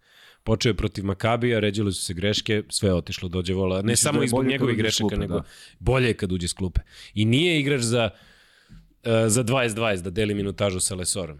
Očigledno je da Lesor mora da igra 30 minuta, iako on, on je to... da, da, je sigurno tako. Mislim, 30, ja kažem, on, on igra i 35. Nekad i, I hteo bi da igra 45. Ovaj, ali, ali ne može. I tu mora Smajlagić da uđe. I on je imao jako korisne te neke minute. Uđe na 6 minuta, 6 poena. Pa čoveče, znaš kao, Malo li? gde, gde ćeš da. više, znaš. Da. Uh, i, I negde i čuo sam da ti kažeš isto u ovom podcastu da je potreban još jedan centar. To je da, ali, čini od početka godine. Da, ali da, da ovaj, Da tu Smajlagić ostane sa tom svojom ulogom. Apsolutno. Znaš, Samo neko ko da. će da razvije trojica. malo da uleti. Trojica, apsolutno. Trojica. Jer Zvezda koliko... I da to ne bude 4-5. Da to ne bude Brodzijanski koji ne, očigledno ne, ne, nije, nije, nije, nije taj, kalibar nije i nije ni da. građa. Ne, neko ko će skine loptu i da zagradi tri puta i da nema ofanzivnih skokova i da zatvori koš. Ništa spektakularno. Samo Tako da, je. samo da... I sa Smajlagićem, znaš, bilo je kao Partizanovi igrači nemaju, nemaju to iskustvo. Smajlagić prvi put kad je ušao, on je igrao kao da ima iskustvo. On je celu sezonu prošlo odigrao kao da je već igrao da. ozbiljnu košarku, ne ozbiljnu košarku, kao da je već ima sezone Evrokupa da. ili Evroligije u nogama. Nije on uopšte izgledao kao neki ruki u Evropi. Ali ove godine, valjda od te povrede, kad je krenulo, ništa nije više isto kao što je bilo. A mnogo nedostaje, iz prostog razloga što da. je drugi visoki sa Ledejom, to je tri, nema, nema četiri, četiri ne možeš ni da nađeš. Uh, Trifunović odigrao nekoliko dobrih utakmica, zaista, ne ono dobrih dao je toliko poena, ja to ne gledam tako, nego zaista je na terenu, na obe strane tako, parketa, na obe strane bio, da. i meni je, ako, ako je to probio, neko nam je od naših gledalaca napisao da je pročitao negde izjavu da je uh, Željko Obradović rekao da se da trenira na drugojačiji način i da ćemo vidjeti, kaže, kako to kako će kakav će to učinak da da izazove. Izazvalo je odlično pre nego što je bilo da pre znači pre pre pre mesec dana otprilike tako nešto ja se sećam da je kod njega krenulo bukvalno uh, protiv Efesa uh, bilo je iznenađenje što je bio u startnoj postavi, bio je na Miciću, sledio je, ne znam, Fenerbahče, bio je na Vilbekinu, sledio je Monako, bio je na Jamesu. Znači, svaki put i dobro je radio taj posao. I onda odjednom se desilo da desilo dobija minute napad, i u napadu, tako, da ima šuteve. Neke je možda uzeo uh, onako, ajde da kažemo, na svoju ruku, Ali ih je pogodio. Veze, pogodio je, pa naravno. Tu, tu Jer je imao samopouzdanje odakle iz odbrane. Tako, iz odbrane. I to je, to je, to je jedina, jedina, to je jedna velika stvar koja se desila zato što je Partizanu preko potreban još jedan igrač u rotaciji. Jer stalno pričamo da tu neko nedostaje. I meni je mnogo žao što Avramović nikako da uđe u neki svoj, ne u svoj najbolji ritam. Ja kad, smo, kad je on napravio, kad je odigrao na utakmicu protiv Zvezde prošle godine, ovde smo pričali o njemu Da. Zaista hvalospeve jer je zaslužio. Dakle, niko nije takvu utakmicu odigrao dugi niz godina. Ja mislim negde, neko je rekao od Bogdana Bogdanovića u tom nekom da. maniru. Da. I ne znam da je teško posle povrede šake da ga vidiš. Koliko misliš da njemu treba da uđe ne u on ne u to, nego samo da je čovek koji koji na terenu radi dobre stvari. On toliko želje ima. Ti se čini da, jeste, da on jeste, želi da, da pobedi on... utakmicu u dva minuta, da je završi, da pobedi, da pa da. Pa tako da... je tako izgledalo ovaj ono zakucavanje to jest promašaj za kucavanje protiv burse. I to je kad je udarilo, nešto, da, kada kad nije kad nije završio kako treba, da, da, a ovaj i odatle kreće sve nizbrdo, da. Mislim, znaš, u tom trenutku verujem da ti ne razmišljaš samo, hoćeš da je, znaš, da... Ne, meni je veća Iako... misterija protiv burse, veća od toga. To se desi, možeš ti da skratiš. Fauliranje, znaš. ne. On, kojem čovjek izbija loptu s desne strane, on koji u poslednjoj kontri vodi loptu desnom rukom, Ne levom. Da. Ne onom levom koja je dalja od ovoga, nego mu čovjek uzima loptu sa te strane. To su, e, to su, to su, to je dekoncentracija kad ti, a već si video loptu u košu. Ja mislim da je on da. već video loptu kako prolazi kroz da. mrežu. Uh, Aleksa je, o, da, ima strašnu želju, ta prva utakmica koju je odigrao, meni je to fascinantno bilo da ti tom povređenom šakom daješ ključne slova. Promašuješ, to je bilo protiv Fenerbahčeja 4 od 7 sa linije. Da. Ali on je pogodio kad je trebalo, jest, jel? Jest. Uh, mislim da je, da, on je strašno značajan uh, i uh, trebaju mu minuti, trebaju mu minuti da, da, da, sve, da sve to stavi na svoje mesto. Mislim da baš ovde protiv Crvene zvezde može da On može, on je da neko ima. ko, ko može da pritisne loptu, To je govorio trener Železnika kad je bio naš gost, kaže, ta razlika, kad vidiš njega na odbrani i, i potpuno ti, kaže, poremeti napad. Jer on je, kaže, odjednom suda, on je na pasu i na, lop, na lopti i sve. Ja bih više, mnogo više volao da se, i, ali to se ne dešava, da se on i Madar menjaju na poziciji 1. Da se više Eksuma tu, da se oka, da, se, da, ne eks, više. da, da se okanuje da Eksuma. Da. da, budu, da bude dva Mislim, što pazi, dobro, jest. Eksum ono kada uzme loptu pa krene iz, sa pola terena da, da Ti znaš šta se dešava. Da, Ti znaš da će da, da bude je... ili fauliran ili da će da bude 2 ili 2 plus 1. Znači da ono malo ko sad Exuma može da zaustavi, ovaj pošto je u dobroj formi i i konačno je ono ali se kako, uklopio kako u sve prim... to. Znači o, ja bih njega ovaj rasteretio od te organizacije napada. Samo mi je do, verujem da je to negde i cilj da dakle da, da Aleksa i Madaron da budu. Ali kako ti deluje to? Ja sam imao pa sam imao polemiku s jednim navijačem, ovaj polemiku, samo smo nešto razmenili par poruka. Uh, kada Exom igra tako kako igra, u svo poštovanje, kada on to pronađe put, ali cela ekipa stoji. Ti možeš da imaš i četiri napada i osam poena od njega, ali doslovce niko... Niko, niko drugi nije. ništa ne radi. Ja govorim da to može da bude problem jer se neko uželi te lopte. Pogotovo kad imaš Jeste. igrače koji se te lopte Jeste. zaista užele i moraju ali, nešto da radi. Ali znaš šta se isto dešava? Exum, uh, ma, a, jeste, baš si u pravu, zato što ovaj, šta, ćemo, šta će biti plan B? Da. Ovaj, međutim, Exum jako često dobija te, ne dobija takve situacije u prvoj četvrtini, uvek ih On pravi u četvrtoj da, četvrtini. Da, da. I onda uzima to da probija ljude i da, i da ovaj, Da rešava, da, da, da rešava da, sam, da, da, da, da. Ovaj, prema tome, e sad, kad bi, razumeš, bilo egal, pa onda stane jednom, kao što, na primjer, protiv Valencije, mislim da je se, jeste on i tu ovaj, imao veliki učinak, ali je imao i tu par situacija ono da, da stane i da, znaš kao, moram sad da dodam loptu nekom. Da, sad treba neko drugi da nešto uradi. I jeste, upravo si da tu treba ovaj, imati adekvatan plan B, ali uh, Exum je i ta njegova brzina, prodornost, duge ruke, duge noge, to je velika prednost ovaj, koju uh, konačno Partizan koristi kako treba. Slažem se. E, ja imam jednu, jednu, ja nešto sam primetio, evo sad gledam da ne bude da sam pogrešio pošto ja imam često ovaj, priču o Laziću, znaš. Često moram da objašnjavam šta ja vidim u, u tom igraču i tako dalje. I ja samo, Al... ja samo želim da kažem da je Lazić igrao 5 minuta protiv Žalirisa. I ja sam prosto ubeđen da je on odigrao svojih 17 do 20 minuta. Da se neke stvari na terenu ne bi desile. Kako to sad nekom zvučalo da. ovako ili onako, Ne zašto bi on promenio neki tok stvari, uzeo loptu i dao tu ključnu trojku, ali prosto sam ubeđen da bi neke stvari bile drugačije. I e, Zvezda nije dala koš 5 minuta, primila je brdo poena, moglo je to da se spreči, ne bi Lazić uzeo i dao neki koš nekom ludačkom uh, kreacijom, ali, ali bi se... Tog njega. Znaš kako, evo ja ću kao ovaj, navijač Partizana da, da ti stanem u odbranu. I sad pa ovaj, svi, Marko, svi, da ovaj, svi Svi ti koji pitaju kao šta će Lazić tu i ovaj ono. Mislim, uh, neka pogledaju roster Partizana, pa da vide koliko ima igrača Partizana koji su tu duže od 3-4 sezone. Da, ma niko. Uroš Trifunović, Tako koji je bio mlad, mnogo mlad, Klinac, pre 3-4 da. sezone. Znači, trenutno Partizan baš žudi za tim da ima igrača koji će sedeti tu i biti kapiten i, I, biti i nosit će taj grb. Ne, ne da Lazić nosi grb na dresu, nego on, on je grb.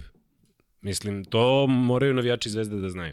A poenta kod Zvezde trenutno je što nema samo tog jednog. Nego ih ima nekolicina. Kapitena, da. Nego ih ima nekolicina i uh, njegovi minuti mnogo znače. Nije važno što on neće pogoditi trojku, ali neke druge stvari na terenu koje Upravo se to. ne vide u statistici i ono, ljudi batalite statistiku. Jeste to lepo da se gleda. Jest, I je mnogo je lepa šta, statistika, tako. indeks korisnosti. Mnogo je lep plus minus, to mi je omiljena. Ovaj, deo, ali i on prevari isto. I on prevari. Sve prevari zato što Šilja Novović, pokojni, meni kad sam bio klinac rekao je da je statistika tačan zbir pogrešnih podataka. I ja sam to prihvatio tada i stvarno više nikad nisam gledao statistiku. Čak kad sam dobijao statistiku i kad sam shvatio koliko sam dao poena, bilo je utakmica naravno sa fenomenalnim učinkom, fenomenalnim procentima. Ali znaš šta se dešavalo? Ja sam uživao da imam popunjene sve statistike. Mm -hmm. 1, 2, 3, 1, 2, 3, nije važno. Ja kad dam neki 25 poena, ja nemam 75 asistencija. Nemam, prosto lopta je bila kod mene, ne da. možeš da ih imaš. Uh, i, ovaj, i, onda sam, I onda sam imao priliku da radim kod Darka Rusa, to ti je neki onako naslednik svih tih trenera koji su... Znam ko je Darko Rusa. Ne, ne, ne, kažem, kažem da ti znam da znaš. A on, je, on je nasleđivao to od ovih starih velikih majstora. On imao 16 ili 17 kategorija. Stvarno ti presedne kad ti on sad čita sve te kategorije. Ali ti kad vratiš film, da si u momentu kada je neko zabo iz skoka da doda loptu, ti stajao na pravom mestu i ta lopta nije otišla, to ne postoji ne u statistici, to ne postoji ne. čak ni kod navijača, čak da, da. ni ono koji poznaje košarku ne postoji kao neku prepreku koju si ti napravio, a to je i tekako važno. Tako da, ovaj, e, ja sam samo u jednom trenutku u jednom podcastu rekao da zamisle Partizan sa Lazićem, Lazarevićem i ne znam koga sam još trećeg stavio. Koliko bi to bila e, čvršća ekipa. Koliko ja sam bi baš, se te neke uloge podelile? Baš sam razmišljao o čemu bi pričao ono, ovaj, kad sam dolazio ovde u vezi sa Partizanom i njegovim problemima koji se dešavaju, jeli, kad tako krenu, krenu porazi u zastupni i, kad krene nesigurnost jednostavno. E, I e, eto, Partizan, na primjer, kad je imao onu sezonu gde je u Evrokupu bio najbolji, gde je dobio Virtus, gde je vodio u ABA ligi, sezona koja je prekinuta ili zbog korone. Tad je Partizan imao um, imao je strance, pet ili šest, ali je imao i pet ili šest domaćih igrača na koje je trener tada Trinkieri baš ozbiljno računao. I koji su igrali u dobroj formi da, i popunjavali i se. I ti momci da je Partizan nastavio tim, tom uzlaznom putanjom, realno je bila Evroliga negde ta kraj te putanje, oni bi, dakle, rasli zajedno sa klubom. Partizan je od uvek tako pravio igrače. Zvezda sad tako funkcioniše sa tako svojim je, igračima. Jeste da oni odu, nažalost, poput Davidovca, mnogih drugih, hajde sad da ne nabrajam. Meni je to, ali, meni je to velika ali, meni pa, to, naravno. ja ne mogu prosto da razumem. Sve na stranu i novac ali, koji on dobio i sve to, ali prosto tu je morala bude borba da se on sačuva. On, on posebno ekipi, sad u ovakvoj, u, u ovakvoj, da. znaš, Partizan nije mogao da sačuva Novicu Veličkovića koji da, ide u Real. Nije, nije mogao, Ni Zvezda naravno, nije mogla da sačuva Kuzmića stvari, koji ide u Real i Bobija možeš, koji ide u NBA, tako je da. Ovaj, prema tome, mm, Gde sam stao? Da, evo, i, al Partizanu je nastao jedan Jedan presek je napravljen, jeste. Da. I, treba tu vremena kad da dođe Obradović, to... kao sad, kako da pravim ekipu, pa daj ovog doma, znaš, kao nema domaćih igrača. Bilo ih je prošle godine. Daj ovog domaćeg, daj... Ali oni nije su lako, dovedeni, to je, znači, Nedović se vratio u zvezdu, Nedović je i dalje zvezda. Nosi to u sebi. Tako je, nešto ponikao je tu, ima da. neku vezu, ovo sve ostalo je drugačije. Ali ja se samo nadam da ćemo ovaj, stvarno u, u, u, su, posle sutrašnjeg dana pričati o nekim eto, herojima, kao što smo pričali o toj akciji i, i o Nedoviću, da pričamo o tome, ne o nekim drugim stvarima. Pročitao sam nešto da su Delije rekli da bi voleli da dođu da bi voleli da dođu navijači pa Partizana pa na da kraju, naprave. Da. Pa dobro, daj Bože. Ja mislim da tu veća problem što će više pandura biti okolo nego što će biti navijač. Ja sam za grčko Ali... pravilo. Mislim, Ko ne, nema gostujućih nema. navijača. Da. To je... I, ja, sam, ja sam igrao u onom periodu kad je bilo i mnogo je dobro. Mnogo je dobro jer se ostiš potpuno drugačije. Ne, a, ali koliko je bilo? 50-50? Ili... Pa, zavisi. Vidi, ja, na primjer, kad sam igrao u Podgorici, dešavalo se da kad igramo protiv Partizana i Zvezde, bude, bude 40-60 da. za Partizan i Zvezdu. Ipak su to klubovi za koje da, da, da. mnogi navijaju. A znaš kakvu atmosferu naprave? Da. Nemaš ti osjećaj onog domaćeg terena, pa baš niko mnogo je mnogo mnogo bolje izgleda. Ali zbog tih tenzija, pa ali zbog tih tenzija, zbog da, što kažeš, biće više policije nego Da, da obezbedi njih biće više to, policije. Ali je jako lepo kada ovaj ukradeš tu pobedu, kad dođeš to, ovaj, to. i kad ima malo bar tih 200 300 tvojih ljudi, pa onda ovaj Tako je, dobiješ, dobiješ ti neki neki podstrek. Osetiš se to... kao osetiš se kao gost u svom gradu. Tako je. Ovaj, znači sutra će to biti igrači Partizana, je li? Da, da i u hali u kojoj su nekad igrali, mada će igrati opet, vidim, Partizan e, ne može u areni da igra neke utakmice ABA lige. tako? Pa će igrati, da, u, u Aleksandar Nikolić protiv Mornara i Borca. ABA ligu. Da. Zvezda najavljaju neki, neki pom, da, da će pomeriti za ne, neke utakmice za arenu. I to ima najava, ali ko sad tu šta, nije ni važno. Ono kažem što bih voleo da pričamo o tim nekim novim herojima. Zvezda ima svoje probleme, Partizan ima svoje probleme, e, Zvezda jedna neubedljiva utakmica protiv uh, CDVita umeđu vremenu od Žalgirisa, Partizan dovoljno... CDVita ili, ili Olimpije? Partizan dovoljno ubedljiv protiv uh, uh, studentskog centra, dovoljno, ne kažem da je to bila neka spektakularna utakmica, ali videlo se da Obradović traži neku minutažu. Ovde pratio sam utakmicu Zvezde protiv CDVita Olimpije.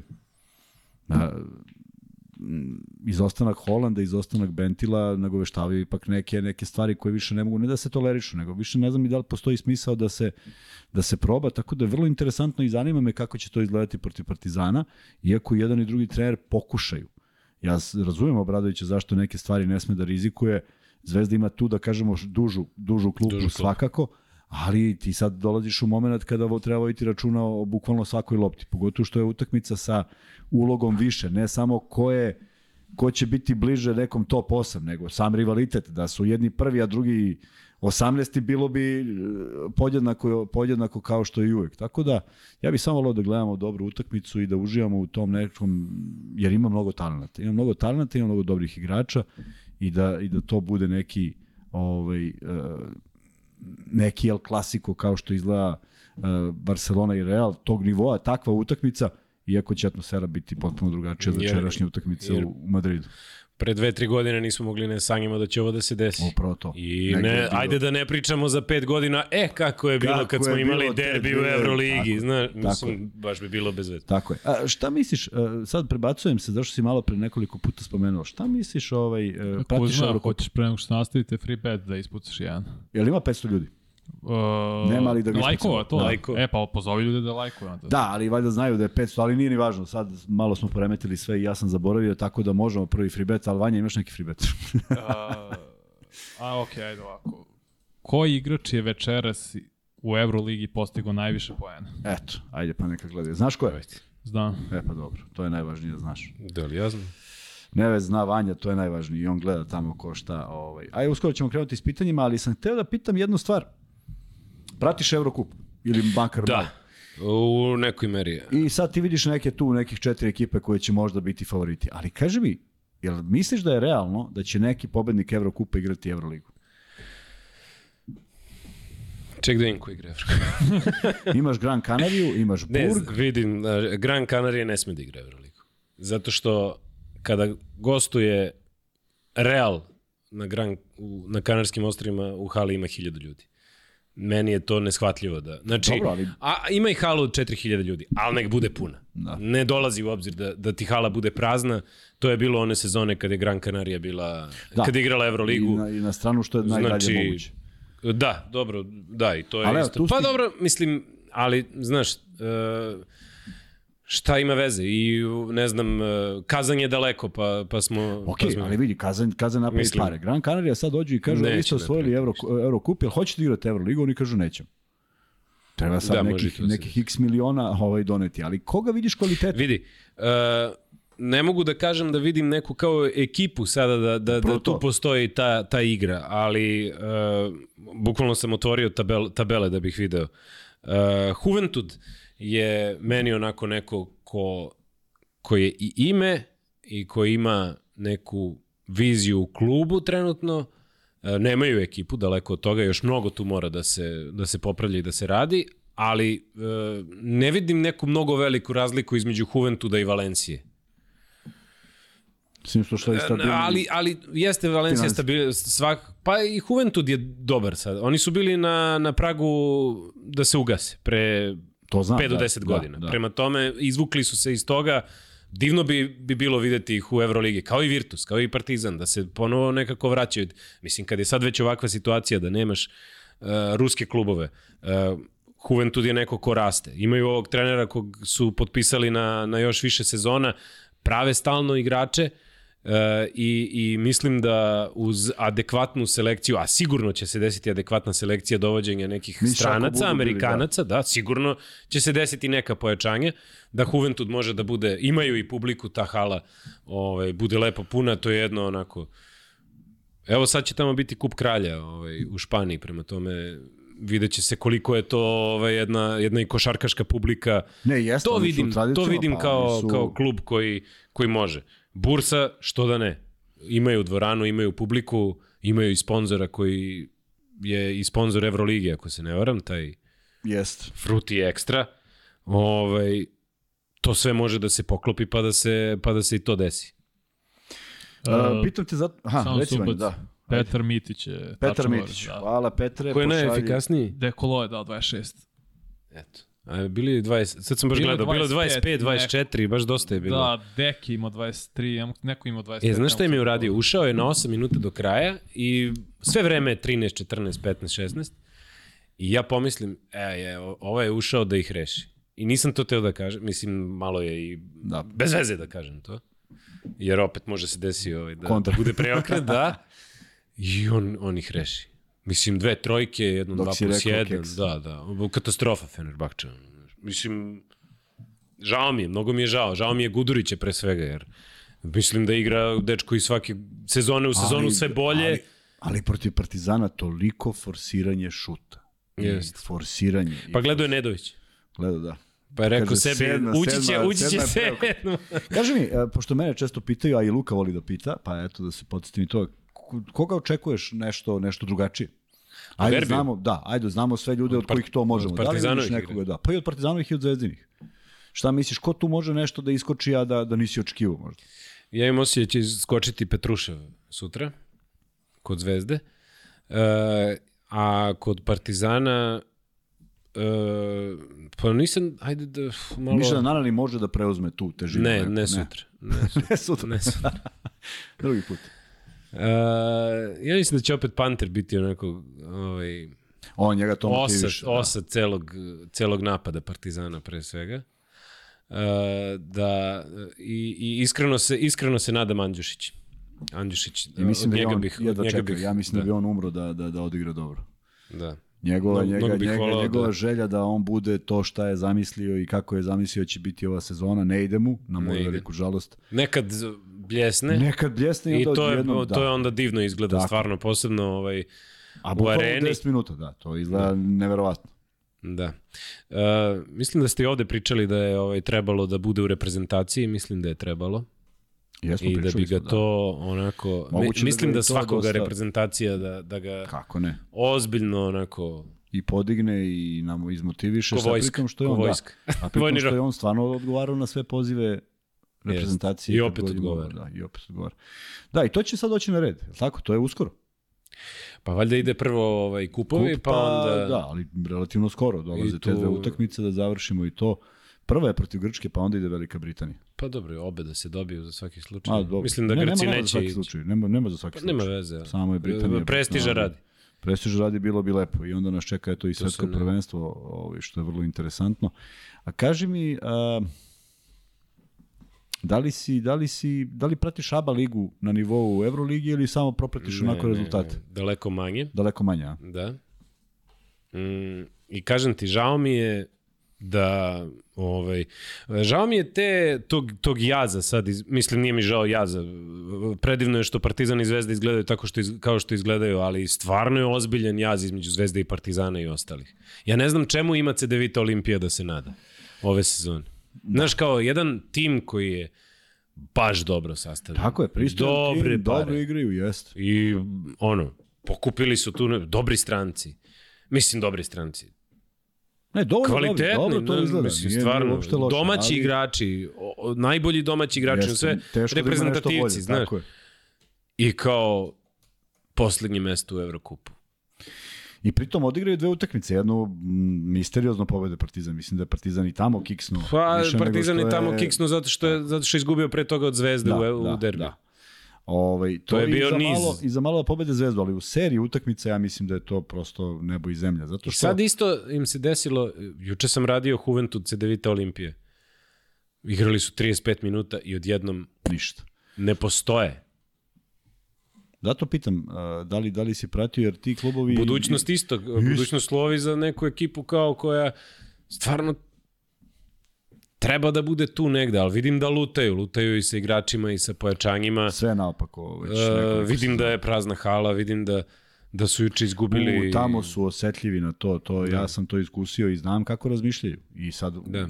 u nekom segmentu i možeš da razumeš, ali ovo Znaš, onda hrvatski timovi koji su stvarno više, ono, tu, tu nema Nemaš nažalost ničega. Zadar bljesne, meni je drago što je Zadar tu gde jeste, jer, da. jer obično su bili niže rangiran. Da. I oni igraju pristojnu košaku, igraju ono šta imaju i lepo izgleda kada igraju dobro. I vidiš onda jedino, kad pogledaš onda srpski klubovi stvarno ovaj, se dižu godina, konstantno. Tako ovaj, i kao profitiraju iz svega toga, ali što onda ne bi ovaj, znaš, bio taj neki KLS, de, de, de, više ne, mislim, ja fantaziram, da nema više ABA lige, nego evo, tih pet igraju, igra daj Zlatibor, daj Ne napravio znam. bi za dve, tri godine ozbiljno dobru ligu. Tako je. Ne bi da. mogo iz prve, ali bi za dve, tri godine napravio... Zašto ne bi bio Zlatibor umesto Zadra? Znaš, Isto bi se, vrlo slično bi se dešavalo. Vrlo slično koncipirane ekipe bi mogli da budu. Bili bi to sasvim konkurentni timovi u, u istom ovakvom ovaj, odnosu. Ali Valjda dok postoji ta, mada evo sad je neko, sad je neko iz ABA ligi, ja ne znam koliko je to provereno, rekao da je zbog nedostatka Rusa sledeće godine ABA liga ima zagarantovano mesto. Mm -hmm. Ja nisam pročitao tu zvaničnu informaciju, ali ajde verujemo da, da, da je promenjeno, promenjen pristup. Vanja, ili ima nekih pitanja možda? Aj, sad ćemo da vidimo. Sigurno je neko nešto pitao. A je, jesu, pitali su. Da, najčešće pitanje je ko sutra radi derbi, ko komentariše. A, Marko i Darko, Darko rade da. prenos. Da. Mm -hmm. Video sam komentar da se ti još zoveš Žarko. Žarko. Da se ja zovem Žarko i da izginemo svi.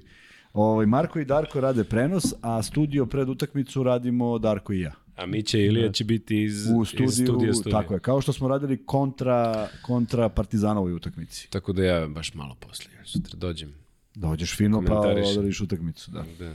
Eto, tamo sad ne krenu sa pitanje, samo da ima jednu konstataciju ljudi, ako misle da je lako komentarisati utakmice, pošto kritikuju ovde u komentarima stavno. Nema ništa to, ma Slobodno, ja koliko znam, sport klub ima foru da se proba jednom. E, bio je, jeste, da, da. I bio je jedan na sport klubu imenom i prezimenom, ja da. ne znam kako se zove, meni su pričali to. Jes, jes. I stalno, stalno je pisao, pisao, pisao, dok ga nisu pozvali i rekli evo izvoli. I onda se izvinio za sve što je pisao, jer je 10 minuta gledao u ekran i onaj mikrofon iznojio se i, i nije progovorio. Tako da, a, Ilija Kovačić, naš kolega, ima jednu lepu, jednu lepu, o, jedan lep stav po svemu tome i kaže ovako.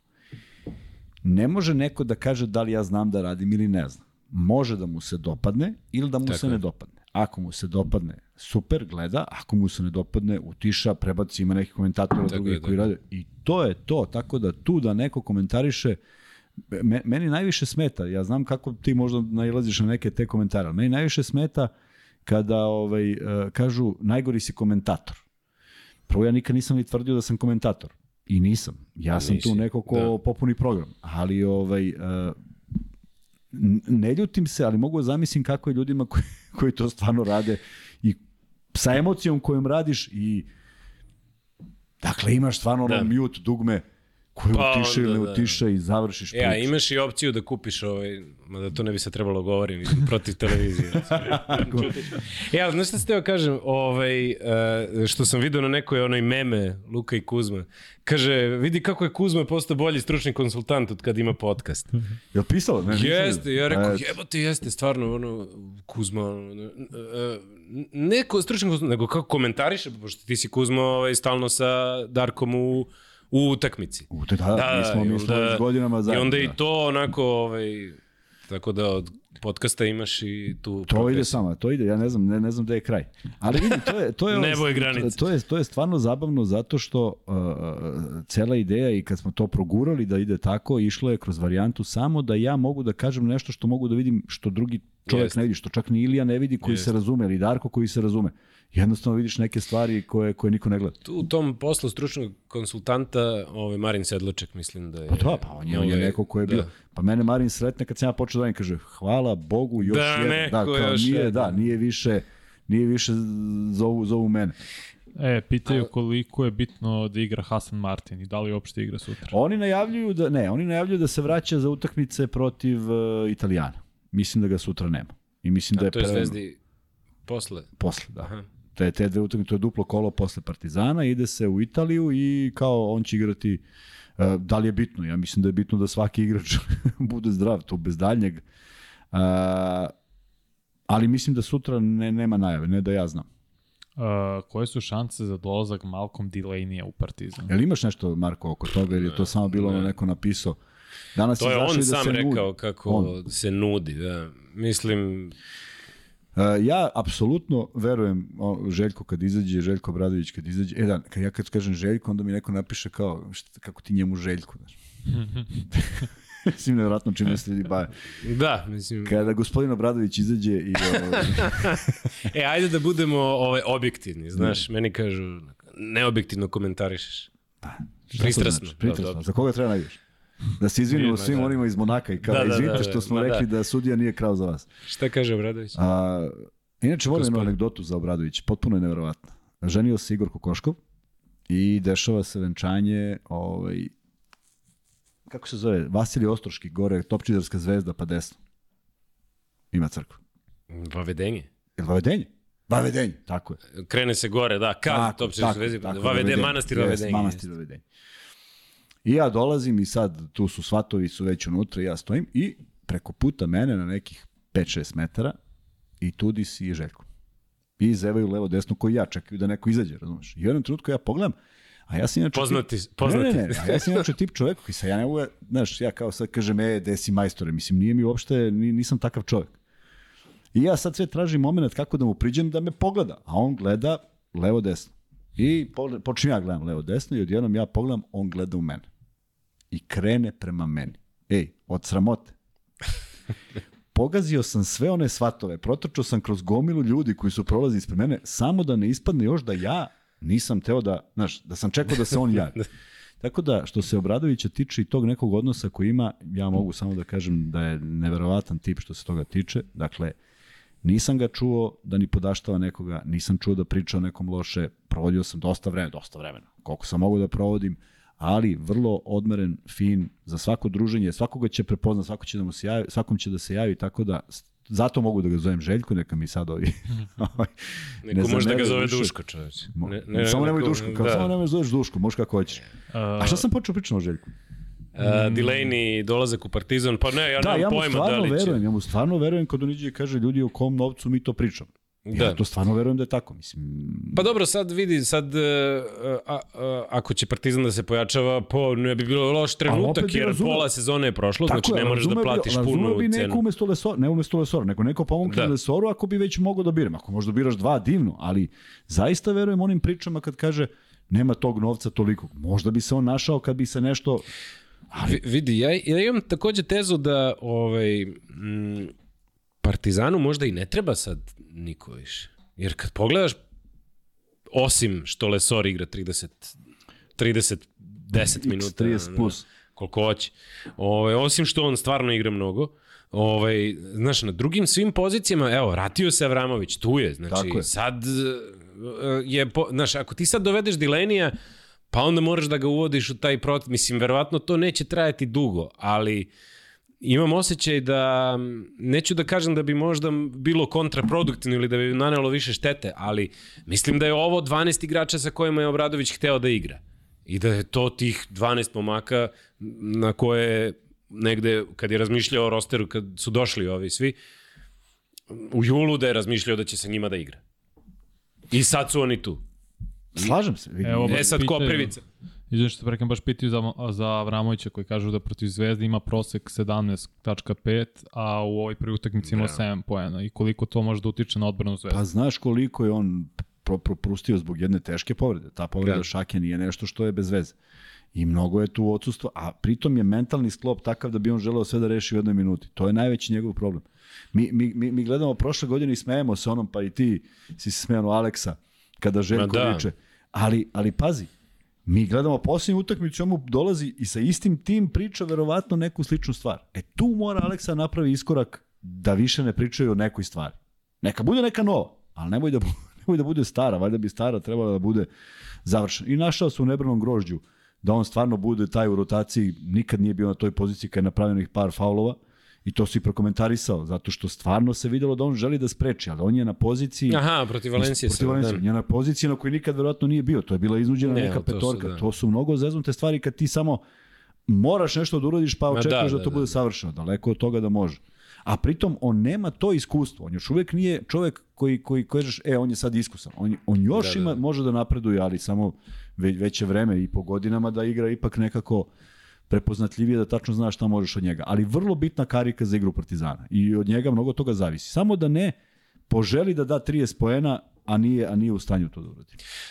Tako da za Dilenije ovaj, Nemam pojma, to je, to je negde... Mislim, lepo bi bilo da on pojača ovaj ligu, ali, ali nekako, neko ne deluje realno. A koliko je važan, to je koliko će važan faktor biti Ognjen Dobrić sutra, pitaju?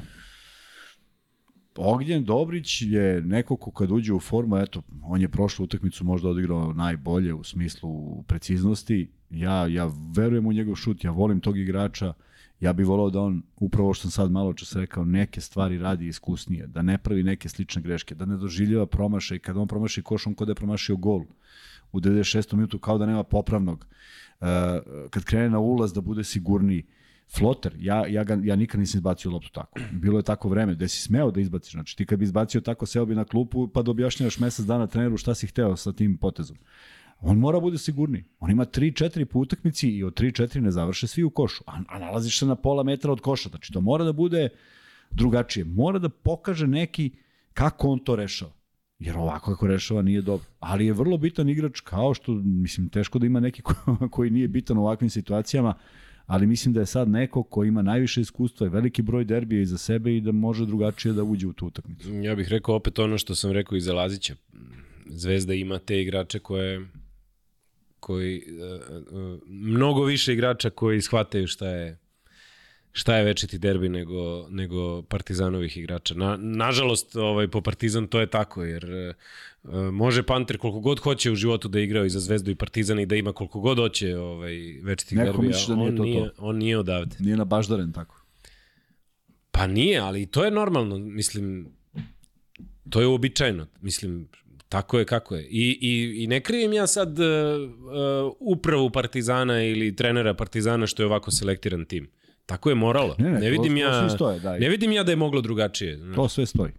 Sve stoji, morao si napraviš tim iz početka i napravljen. Relativno... Da, morao si da napraviš tim koji će odmah doneti rezultate, jer da igraš u Euroligi i da budeš... Nema čekanja, nema čekanja. Partizan pa nema, zvezda, da... nikad nema čekanja. Pa, pritisak je takav jednostavno da, da Znaš, Alba je tim koji igra bez pritiska i neka pričaju šta drugačije god hoće. Sve, tako je, ali drugačije su tamo, pristupi. Tamo ove, ima, taj trener ima devet uzastopnih poraza, nema veze. To je, to je naš Sastavni projekat i to je tako. tako. Zvezda i Partizan nisu takav projekat. I, i ja se zato, zato se meni ne dopada ovaj, e, izbor Zvezde da u evroligaškoj sezoni stavi trenera koji nije dovoljno iskusan i koji nema, nema, nema, nema godine u Evroligi. Moraš drugačije da priđeš tom projektu. Ako je to projekat. Dakle, ako je Tako projekat je, da ideš u top 8, da konkurišeš, onda radiš to sa ekipom i sa trenerom koji koji, koji to može da isporuči. Igra. Sve slažem. Je li istina da je Madar povređen problem sa lećima, pitaju? Pa igrao je manje nešto protiv uh, studentskog centra zbog toga, ali verujem da se ne propušta. To ne bi valjalo, da se bilo ko da propusti, da, da, morat će da igra. Ali evo ja da odgovorim da jedno pitanje, kaže, jedan naš gledalac kaže, gledam sa zakašnjenjem zbog čega se uvek o ovakvim stvarima priča pred derbi o KLS i stupanju Partizana, zbog čega se nije pričalo pre 2-3 meseca, ko je započeo tu temu baš sada po novinama. Vidi, od, odgovoru ja jedino što mogu da ono što sam video, započela Zvezda iz prostog razloga što je moment pred derbi, tu se diže sav taj... I moment i pred kup takođe, gde Zvezda i neće kup da igra tako, u slučaju... Tako da to su neke stvari na koje smo navikli već unazad 20 godina. Meni je ono što smo pričali na početku podcasta problem ko to da reši, zato što uh, ne, nekoliko puta sam rekao, povratak Željka Obradovića u Srbiju je za mene značio da se vraća u Srbiju kao što volim kad se vrate bivši igrači kao što je Nedović, kao što je Kalinić, kao što je Andjušić, koji su iskusili neke ozbiljne lige, tako volim da se vrati neko ko ima takav autoritet. Jer mi u zemlji nemamo autoritete povukli su se, prosto više niko nije na jednoj toj poziciji da će on sad nešto e, da kaže. Ranko Žeravica u svoje vreme kad kaže ova ide na kaljanje u Pančevo, ti odeš u Pančevo, u Pančevu te neko dočeka crveni tepih prostor i kažu čika Ranko nam ga poslao i niko više ne pita. Dakle, mi nemamo takve ljude, mi nemamo stručni savet koji nešto može da donese neku odluku, neki, neki, neke umne glave koje ovaj, mogu nešto da donesu. Nemaš, nemaš kome da veruješ. I onda naravno da, da nema, kad nema ni institucija koje to mogu da pokriju, ti si u ozbiljnom problemu. I sada, ja mogu da odgovorim na ovo, da, to je zbog kupa i zbog uh, predstojeće utakmice. Ali da li stvarno nije bilo vremena da neko odgovori na to od prošle godine? Mo, šta ako je neko to slao svaki dan? Kako mi to možemo da znamo? Ne verujem da jeste, ali kažem teoretski. Treba neko da se oglasi i kaže o čemu se radi. Zaista mi je žao što se to desilo, zato što je presedan. Apsolutni presedan. Možemo pričamo o drugim stvarima koje su presedani, ali ovo je nešto što, kako bih rekao, niko nikad nije pokušao. I malo je glupo ispalo. Ali stvarno se ništa nije desilo i ne, ja, ja, ja čak nisam i za to da ne, nešto treba da se desi. Ali ajmo neku strategiju da napravimo, da nađemo razloge da se to više ne dešava, jer kome će ti da budeš primer? Evo, evo moje hipotetičko pitanje. Kreće kup, izvučeni parovi i tri kluba kažu ne možemo da dođu. I? Ti kažeš pa vi ste kažnjeni, oni kažu a zašto? Isto, mislim, ne. kako ćeš sada da kazniš neki manji klub zato što nešto nije uradio? To su loše stvari koje onda vuku jedno drugo. Tako da, ja bih najradije se to nije desilo, a svedoci smo da svako povuče one korake koji mu odgovaraju u tom trenutku i priča se o tome, tako da 20, 20 ja sam prestao 2005. znači eto, 18 godina gledam iste scenarije, jer do tada nisam imao prilike da gledam srećom, nisam imao prilike da gledam jer sam igrao, pa me nije baš mnogo zanimalo, ali generalno... Nisi imao vremena. Nisi imao vremena, tako je. Generalno je bilo tako od uvek. Tako da, ništa novo. Ili ima još Vanja pitanja Imaju. nekih? A, Marko, koje su prednosti Zvezde u odnosu na Partizan sutra, ako uzme obrnuto pitanje, mm -hmm. koje su prednosti Ajde. Partizana u odnosu na Ajde, Zvezdu? Marko. Ja, ovo što sam ovaj, par puta već ovaj, uh, rekao o, o zvezdinim igračima i da ima mnogo više njih koji zaista znaju šta je derbi i šta je klub za koji igraju. Ovaj, mnogo ih je više u Zvezdi nego u Partizanu i zato je to ovaj, prednost uh, Crvene zvezde. A ako ćeš da ovako gledaš igrački, mislim da... Ajde sad kuzmo baš o tome, ovaj, šta ti misliš, meni delo je da tu nema da je sad neko u boljoj formi, znaš, kao neki igrač, mislim da su tu negde u egalu svi da. Vidi, ja se ja stvarno ja Pošto stvarno ne igra Kampaco, da. Ovaj ne možemo da Ja sam da stvarno oduševljen ovim ovim Vildosom, zato što je to Jeste, neki da. igrač da. po mom ukusu u smislu on, on zaista leprša i ko kaže da mu se ne sviđa, može navija za koga doće. Prosto da, ko da. kaže da mu se ne sviđa, nije realno. A, on, on mi čak i ne nosi težinu tog, tog kojeg ne volim da gledam. Uopšte nemam. Kao što, na primjer, Panter u svom najboljem izdanju mi nije, pogotovo što je još igrao za zvezdu, nije mi onaj, u što, jednostavno uživaš u nekim stvarima koje on radi. Ne. Ja bih volao da on radi još jednostavnije stvari, to bi bilo bolje za Partizan. Da ne komplikuje sebi život i da nervira sve oko sebe. Ali to je on, to je tako. Međutim, oni su zaista van serijski u nekim svojim uh, mogućnostima, u nekim svojim idejama, u svojim sposobnostima. Onda imaš s druge strane jednog Petruševa koji se pojavljuje i niko nije očekivao ovakvu sezonu, te on iz utakmice utakmice raste i meni stvarno deluje da je on spreman da bude ovo što si ti rekao da neko ko iskoči u derbiju. S druge strane imaš nenormalno motivisanog Lesora, kojem je ovo utakmica života. Znači ja mislim da on kad igra protiv Zvezde, on želi, kao što kad igra protiv klubova u kojima je već bio, on to želi još nekako da dokaže. Mislim da mu je bilo jako krivo zbog prošlogodišnjeg finala što Partizan nije osvojio. Mislim da je on bio jedan od onih koji stvarno doživljavaju. Čuo sam da je kupio stan u Beogradu. E. Da, i čuo sam da hoće živi ovde. Znači, to su neke nevjerovatne stvari o, o, nekoj, o nekoj jednostavnosti života i to čak čujem od nekih ljudi koji su iz, ne iz zvezde, nego koji su zvezdaši i kažu da, da, da su bili na ručku ovako, onako i kaže ljudi, ali mene kaže svako ko setne na ulici, on hoće se slika sa mnom i niko mi ne pravi razliku za koga navije. I kaže, žena mi se dobro osjeća ovde i sve nam je super da. i hrana dobra i sve mu odgovara. Tako da, on će imati posebnu emociju. Tako da, teško je nekoga naći ako stvarno neko nije motivisan. Imaš postane, igrače koji nisu u formi. Da, da, da. da, da je, nisi u formi, ima, nisi imaš u formi, igrače da. koji nisu u formi, imaš Naneli, ovamo imaš to Kolanda, ne znam, Bentil koji pravi da... Bentil teško da ja ne znam više, ja, ja bih volao da je sutra, ali ja, da je on... I ja bih volao Lede isto. Tako je, ali da je on karakter takav. Da. on čovjek, vidiš da njega, njemu neka frka uvek. Uvek je nešto kad je nešto ispod koša, pa i na najbanalniji utakmica. Zamisli kad zagrmi sutra, ne veze koji grme, grmi neko. Njemu se on se potpuno stegnuo. Možda igra da šutira trojke i to je to. Ja mislim da Bentil ovaj, sve, pod, sve uloge u ekipama koje je do sada imao, a bio je gde u Panathinaikosu i Armaniju, da su bile mnogo ovaj, sporednije, sporednije su, nego u Zvezdi. Tako e sad, ti kad dođeš u Zvezdu, mislim, nešto, on dolazi u Zvezdu, ne, ne zbog toga, nego on je došao u Zvezdu da uzme bitniju ulogu. Tako je. Moraš da onda Ali nisi znao da to može ili ne može. Pa, to je problem. I on ali moraš da se trudiš. Mo, on, on, njemu, ja mislim da njemu bilo super. On je dvocifren zvezda šest poraza, ali ja radim sve što. Čim su došle e. utakmice da su veći zahtevi. E vidiš, aj sad da se vratimo samo na nešto što ja često pričam, a volao bi da, da, da čuješ, možda, možda si i čuo. Dakle, ja Slušam mislim... svaki podcast. ja mislim po nekoliko puta. Da, da. Ja mislim da su za pojedine igrače Obradovićevi i Ivanovići zahtevi preveliki. Preveliki. Dakle, prosto imaš nekoga ko će da kapira, imaš nekoga ko nikad neće da kapira. I bilo je takvih igrača i pre, i bit će ih u budućnosti. Prosto, neki zahtevi jednostavno im nisu jasni. E, ja uživam kada Partizan odigra utakmicu onako kako se meni to dopada, kada kontroliš rezultat, kad je svaki faul na mestu i ti onda pomisliš, evo ga, sad se nešto desilo, a ono dve utakmice kasnije sve se raspadne. Sve se, tako. E, da. tu, mi je, tu mi je bilo, tu, tu mi je nekako deluje da je ta prednost zvezde u, tom, u tim glavama domaćih, ta, taj mentalitet. Pa je onda kad ih je više, onda lakše sprovedu to. Stefan Marković neće pogrešiti. Može jednom u 10 falova da napravi da nije video da nam u bonusu, Ma, ne može. da je u bonusu, ali vrlo, vrlo, vrlo, vrlo redko. Pa eto. A ovdje Mislim, se to dešava često, prečesto.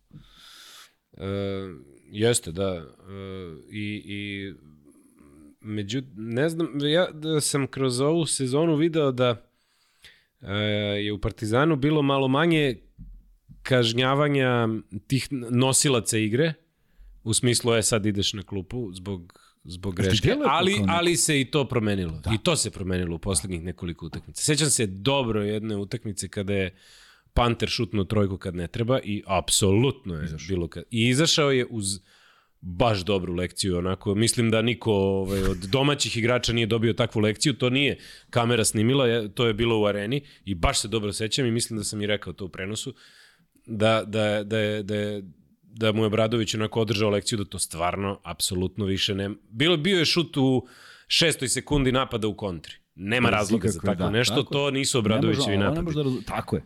I sad, znači, ja mislim da... da... I, uh, znaš, sad, Panter u tom trenutku nije igrač kakvog Obradović Kako hoće, hoće da. Ali u preostalih 85% slučajeva verovatno jeste. Vidi, i on kad odigra racionalno i kad uzme šuteve koje treba i kad se ne da. takmiči da. sa ne znam kim da nekoga fascinira, kad je to jednostavno, to zaista izgleda i meni je, meni je prosto kao i kod Nedovića neverovatno da oni ne koriste više te ulaze sa takvim preispozicijama. Nedović može u par utakmica je napravio takvu fintu sa leve ili desne strane da uopšte ne znaš da li će on levo ili desno. Da. Panter kad raširi ruke, ja mislim, deluje onako mršav kao da ima 2.15 Da. Raspon ruku, pitaš se kako ne možeš protori loptu bilo gde kad god. Ali to su neki igrači na koje, na koje će biti fokus, Jest. ali uvek u derbijima imaš nekoga ko to izleti. I uh, upravo si to kad kažeš da ovaj, uh, ne, nekim igračima jednostavno ne odgovaraju Duško i Željko. Kod Zvezde je to vidljivije zato što nije Duško Jovanović sastavljao ovaj tim. Da. I, I onda normalno da... A, na primjer, da je tu Polonara, kao što se pričalo da će... Da... molim te, ne, ne, ne, ne varim ga nikako, da. o, ovo, ali, ovo je danas ali njegovo je... izdanje. Ovo je danas njegovo izdanje. On je... A ubeđen sam da bi Duško izvuko iz njega mnogo više. Pa jesi gledao to kako sigurno. on igra u Baskoni? Sve stoji, ali samo srećan sam što nije došao. Baš pitaju kao koliko može da utiče strategija jednog trenera, a strategija može, i u poređenju može, sa prvim tako, mečom, koje će biti izmene. A ne, ne, u poređenju sa prvim mečom ne, teško da ova dvojica sad imaju pred sobom nešto ovaj nije video ili ovaj drugi nije video. Tu ne mislim. Biće nekih minijatura iz auta, biće nešto u posljednjim sekundama, svako od njih ispali nešto na, na kraju.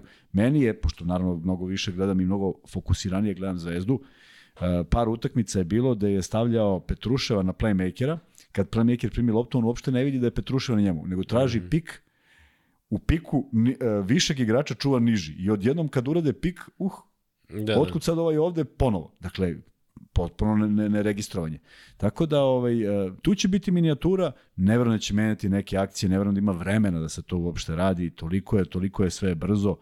Jedino ako je neko počeo onako na vreme pa ih ubacivao s vremena na vreme pa ih krio, ali nekako mislim da to ne pije vodu. Ja ne, uh, vidim ovaj, kod e, Partizana da dosta je u poslednje dva, me, pa i protiv Makabi i protiv Valencije da je bilo dosta problema kad se kao e, spusti lopta na igrača koji je na mis meču.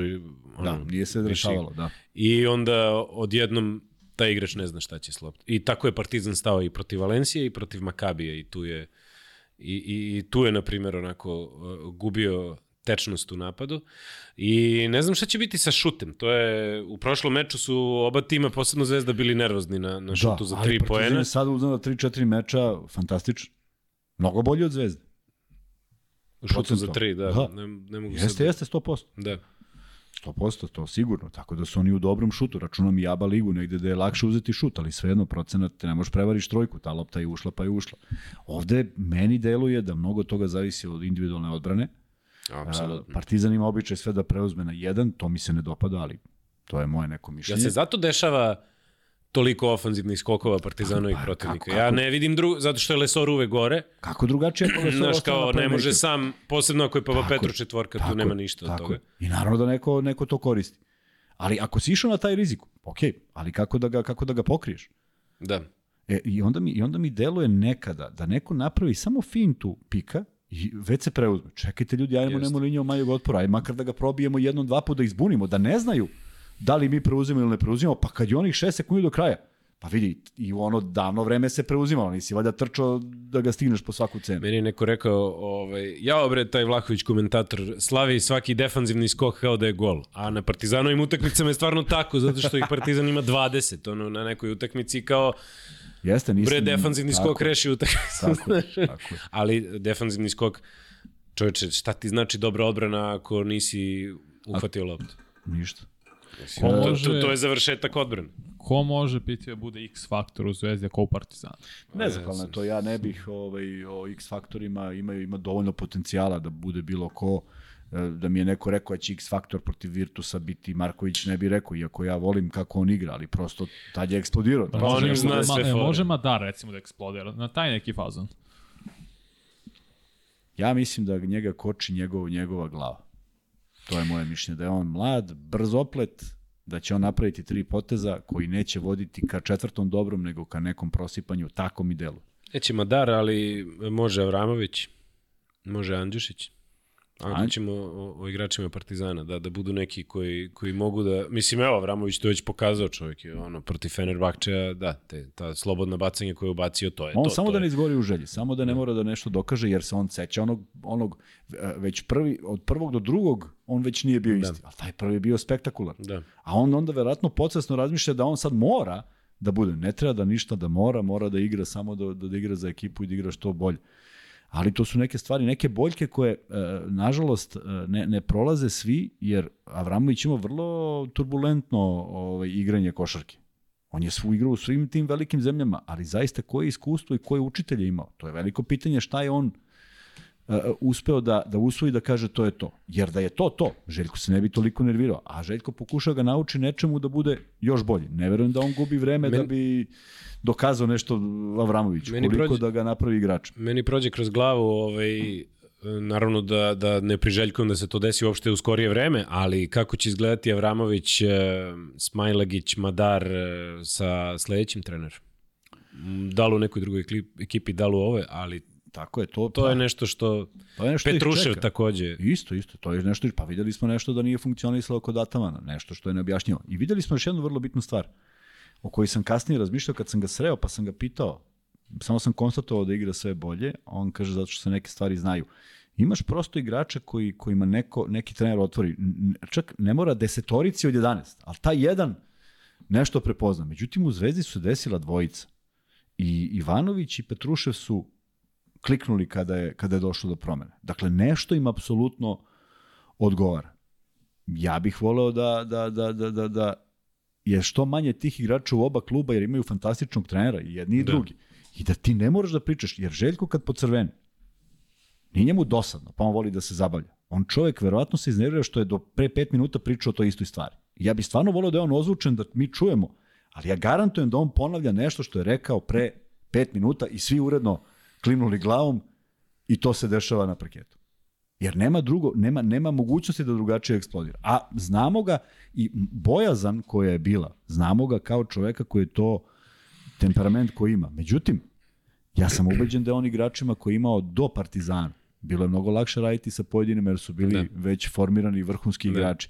Ovde sad ti treba da ispaljaš neke stvari na koje nisi imao utice, tako da je tu posao još teže. Koliko ovaj, je to kod, kod Željka izraženo, mislim da je najbolje da se ovaj, pogleda kako je Fenerbahče igrao 2017. i pre toga, to je sve funkcionisalo ko sat. Tako je. I toga nije bilo da Željko mora da ponavlja nešto. Tako je. Zaista, Fenerbahče kad je osva... pa i Panathinaiko svih onih godina. Uzmeš to je bio, i to je to. Pa, to je bio sat koji je radio bez jednog, ovaj... e sad naravno u Partizanu Mnogo, tako je, tako je. treba da prođe vremena da bi se to sve podesilo, da igra ista ekipa, nije, nije, nije lako da menjaš stalno, stalno ljude. Sve stoji. A kaže mi, Vanja, ima još nekih pitanja? Pošto sam teo nešto da ovaj, sam mi otišla misao. Pa evo sad gledam da uh, koliko će sutra uticati navijenje i, na, i navijači e, da. na atmosferu. Kako će biti atmosferu? Ja im drugo pitanje kako će uticati možda mlade igrače. Pa ja mislim da su pre, pre, prošli neke derbije koji su ja mislim da to vatreno krštenje svi su prošli. Nema sad nešto novo. Pa vidi, nije ja prošao, mislim da je u... nije prošao Exum, nije prošao Naneli, da nije Nisu bio baš pioniru, ovaj, da, pioniru ali, ali, vidi, ali, atmosfera, to da kažem, to... atmosfera Partizana u areni, to je to, to je ta da. buka koju će čuti, da li će čuti yes. više zvizuka, slažem se. Međutim, evo, ovo što sam malo čas rekao, uh, Mene zaista je obradovalo i ja stvarno želim da verujem da je ovo napisano u najboljoj nameri. Kaže, sutra se igra još jedan istorijski derbi, za nas prvi u Euroligi na domaćem terenu, gostujući navijači će biti na tribinama. Kao što smo i navijali pred derbi u areni, dali smo sve od sebe da sačuvamo derbi da gostujući navijači budu u hali. Za utakmicu u areni Delije su dobile ukupno nula karata, do para sati pred utakmicu nismo znali da li ćemo moći da uđemo sa kupljenim kartama. Nije dozvoljeno da unesemo ništa što na sebi ima obeleže kluba, dok god sad imaju pravo da unesu sve navijačke rekvizite. Nadamo se da je prvi korak koji smo činili zajedno sa KK Crne Zvezda dovoljan da sledeći put budemo isto gostovali da sačuva svetinja derbija. Derbi nije derbi bez navijača oba tima. I ja stvarno želim da verujem da će sutra sve proći u, u jednoj dobroj atmosferi, da ćemo čuti jedne i druge, naravno domaćine bučnije, kao što je to i u areni, ali da negde vidimo da, da, da možemo da napravimo nešto što nije kraj sveta, nego jednostavno jedna utakmica u kojoj stvarno mislim da imamo u čemu da uživamo veliki broj talenata, veliki broj igrača koji, koji žele da dokažu nešto, dva vrhunska trenera, Ja mislim da je to negde spektakl u najavi i ne bih volao da vidim bilo šta. I još jedna vrlo bitna stvar, jesi ti pratio možda, pošto ja, ovaj, mi, nije mi prošlo kroz uši da je Partizan bilo kako kažnjen u, u Euroligi? Ako je jednom bilo, ali mislim da ne. Pa ako je jednom jer, jer, 15 utakmica nije ništa Ako, ako se dobro sećam, jednom je poletalo nešto u parket. Genijalno, to, to, je, to je dobra to je stvar. Bilo. To je dobra stvar i neka ostane tako. I neka shvate da su to da. štete svojim klubovima, ne štete nekom drugom, nego samo svojim klubovima. Jel imate komentar na izbor sudije? Ja ne znam niko sudije. Da, ja ali... to nikad nisam gledao i uvijek da zaboravim. To... Ali ajde, kaži nam koji su. Mada mi ne znači ništa. Nemam pojma, pitaju ljudi. Možemo pogledamo, da. Ali... Ne, ni stvarno ne znam. Ček, ja nikad ne, nisam obraćao pažnju na to, niti želim. Ne želim da razmišljam o tome. Danas je dao tehničku e, meni je to ovaj, naj, najgore kad, kad vidim kod sudija. Znači, Evo ga, Ukrajinac. Rižik, Fernando Roć, ništa. ništa. Oleg Slatišev. Ja ne znam kako Platišev se. Da. On je nabildovan. Da, on je do stola. On me nerira, da. A dobri su, da, mislim, Riži Klatišev stoje ovaj... Ne znači mi ništa. Pa iz vrha, ajde da kažemo to. Ali hoću kažem, e, ko je sudio neki Miguel Angel Perez, on je su, dosudio danas Carsenu Edwardsu, Znači, on je napravio faul, taj Edwards. I iznervirao se nešto, mahnuo rukom. I odmah tehnička. Znaš, ko je glavna zvezda? Pa da, pa ne. Jel to igrač mora, tako je. ili ne, si ti? Ne, ne. Sudija, znači, sudija mora da pusti da bude... mu taj jedan put, ako baš uzme da psuje, da, da te vređa, pa naravno da ćeš mu dati tehničku. Jeste on negodovao, mah, mislim. Ne, ubijaju malo neku tu emociju u sportu. Ja prosto ne mogu zamislim da ti sad to no. sankcioniš. Da. Zato što je to živo, zato što svi uživamo u tome. Šta će da se desi? Šta da, da, da ti onda osudi nešto, ti ćutiš. Si video danas Žalgiris, Nisam. Žalgiris Panathinaikos. Pa pazi scenu ulazi, ulazi Lekavičus pod koš. Izađe, ne mogu kažem celim stopalom, ali ozbiljno je na liniji. I pada u aut i nekako dodaje loptu, za, udari igrač, pa niko se lopta ode u aut. Sudija koji stoji tu nije video. I dosude loptu u Žalgirisu. I Deo krene nešto da pokaže challenge već ga iskoristio. Da. Tako da, ali hoću ti kažem, nisi video nešto što se dešava ispred tebe. I žele da budu u centru pažnje, žele da gledaju. Ja mislim da njima ovaj snimak otežava celu priču. Majke mi. Jer nekada kad bi dosudio, danas je bila, danas je bila scena na utakmici Real Barcelona kada Hezonja pokušava da izbije loptu Mirotiću. Vidiš da je Hezonja napravio poslednji pokret, možda i nije udario, ali delo je da on jeste udario. Da si dono tu odluku, niko od nas ne sumnja da si dono ispravnu da. odluku. Po, onda ti gledaš i ne možeš da ustanoviš, stvarno ne možeš da ustanovi jer nema ugla koji snima. I ti si onda u većem problemu da li si doneo nego, nego da li nisi. E, ali onda je poenta da, ovaj, što me jako nervira kod nekih sudija, ovaj, da oni kao ne donesu odluku na parketu. Ne, znaš, ostanu, znaš to? Ne, kako ne donesu? Ima, dešava se. To je, to je jednom, na primjer, uradio šta ja, se, šta Javor. Se svira? Pazi, on je uzeo, bio je neki faul na šutu za tri poena. I nije bio siguran da li je ovaj nagazio liniju trojke ili ne. I samo je pokazao na, na obruč. Znači, slobodno bacanje. Ali sad, da li je dva ili tri poena? A, nije se vidio. I sad, šta ćemo, znaš, kao, da li se vidi ili ne? Morali su da izmisle. Znaš. Moraš da doneseš odluku na parketu, Da, da. jer može i da crkne ovaj kompjuter. Da, da, može nešto. Nestane, da. Ne, ne, Ili da, mnogo- nema pravi ugao. Tako je. I to je u redu, Nema. mislim.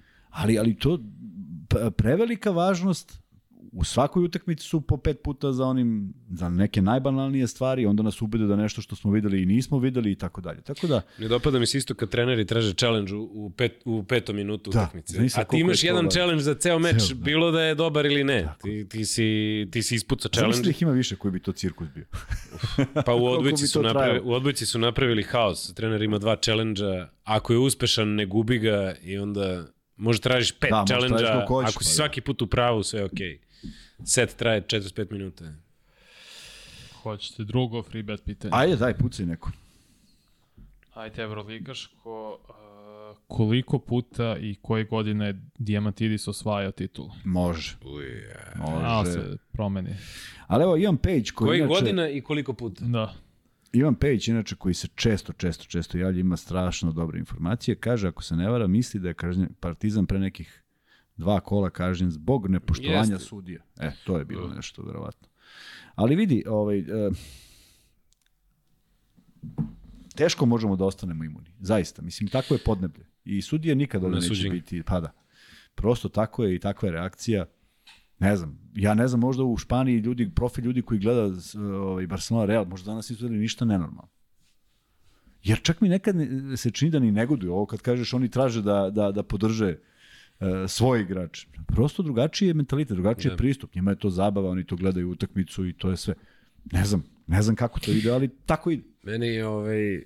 Mislim, znam da je sve naboj emocija, posebno na derbiju. Ovaj, ti kad do, dođeš na derbi, ti isključiš mozak i ovaj, samo ti je do toga da, da tvoj klub ovaj, pobedi.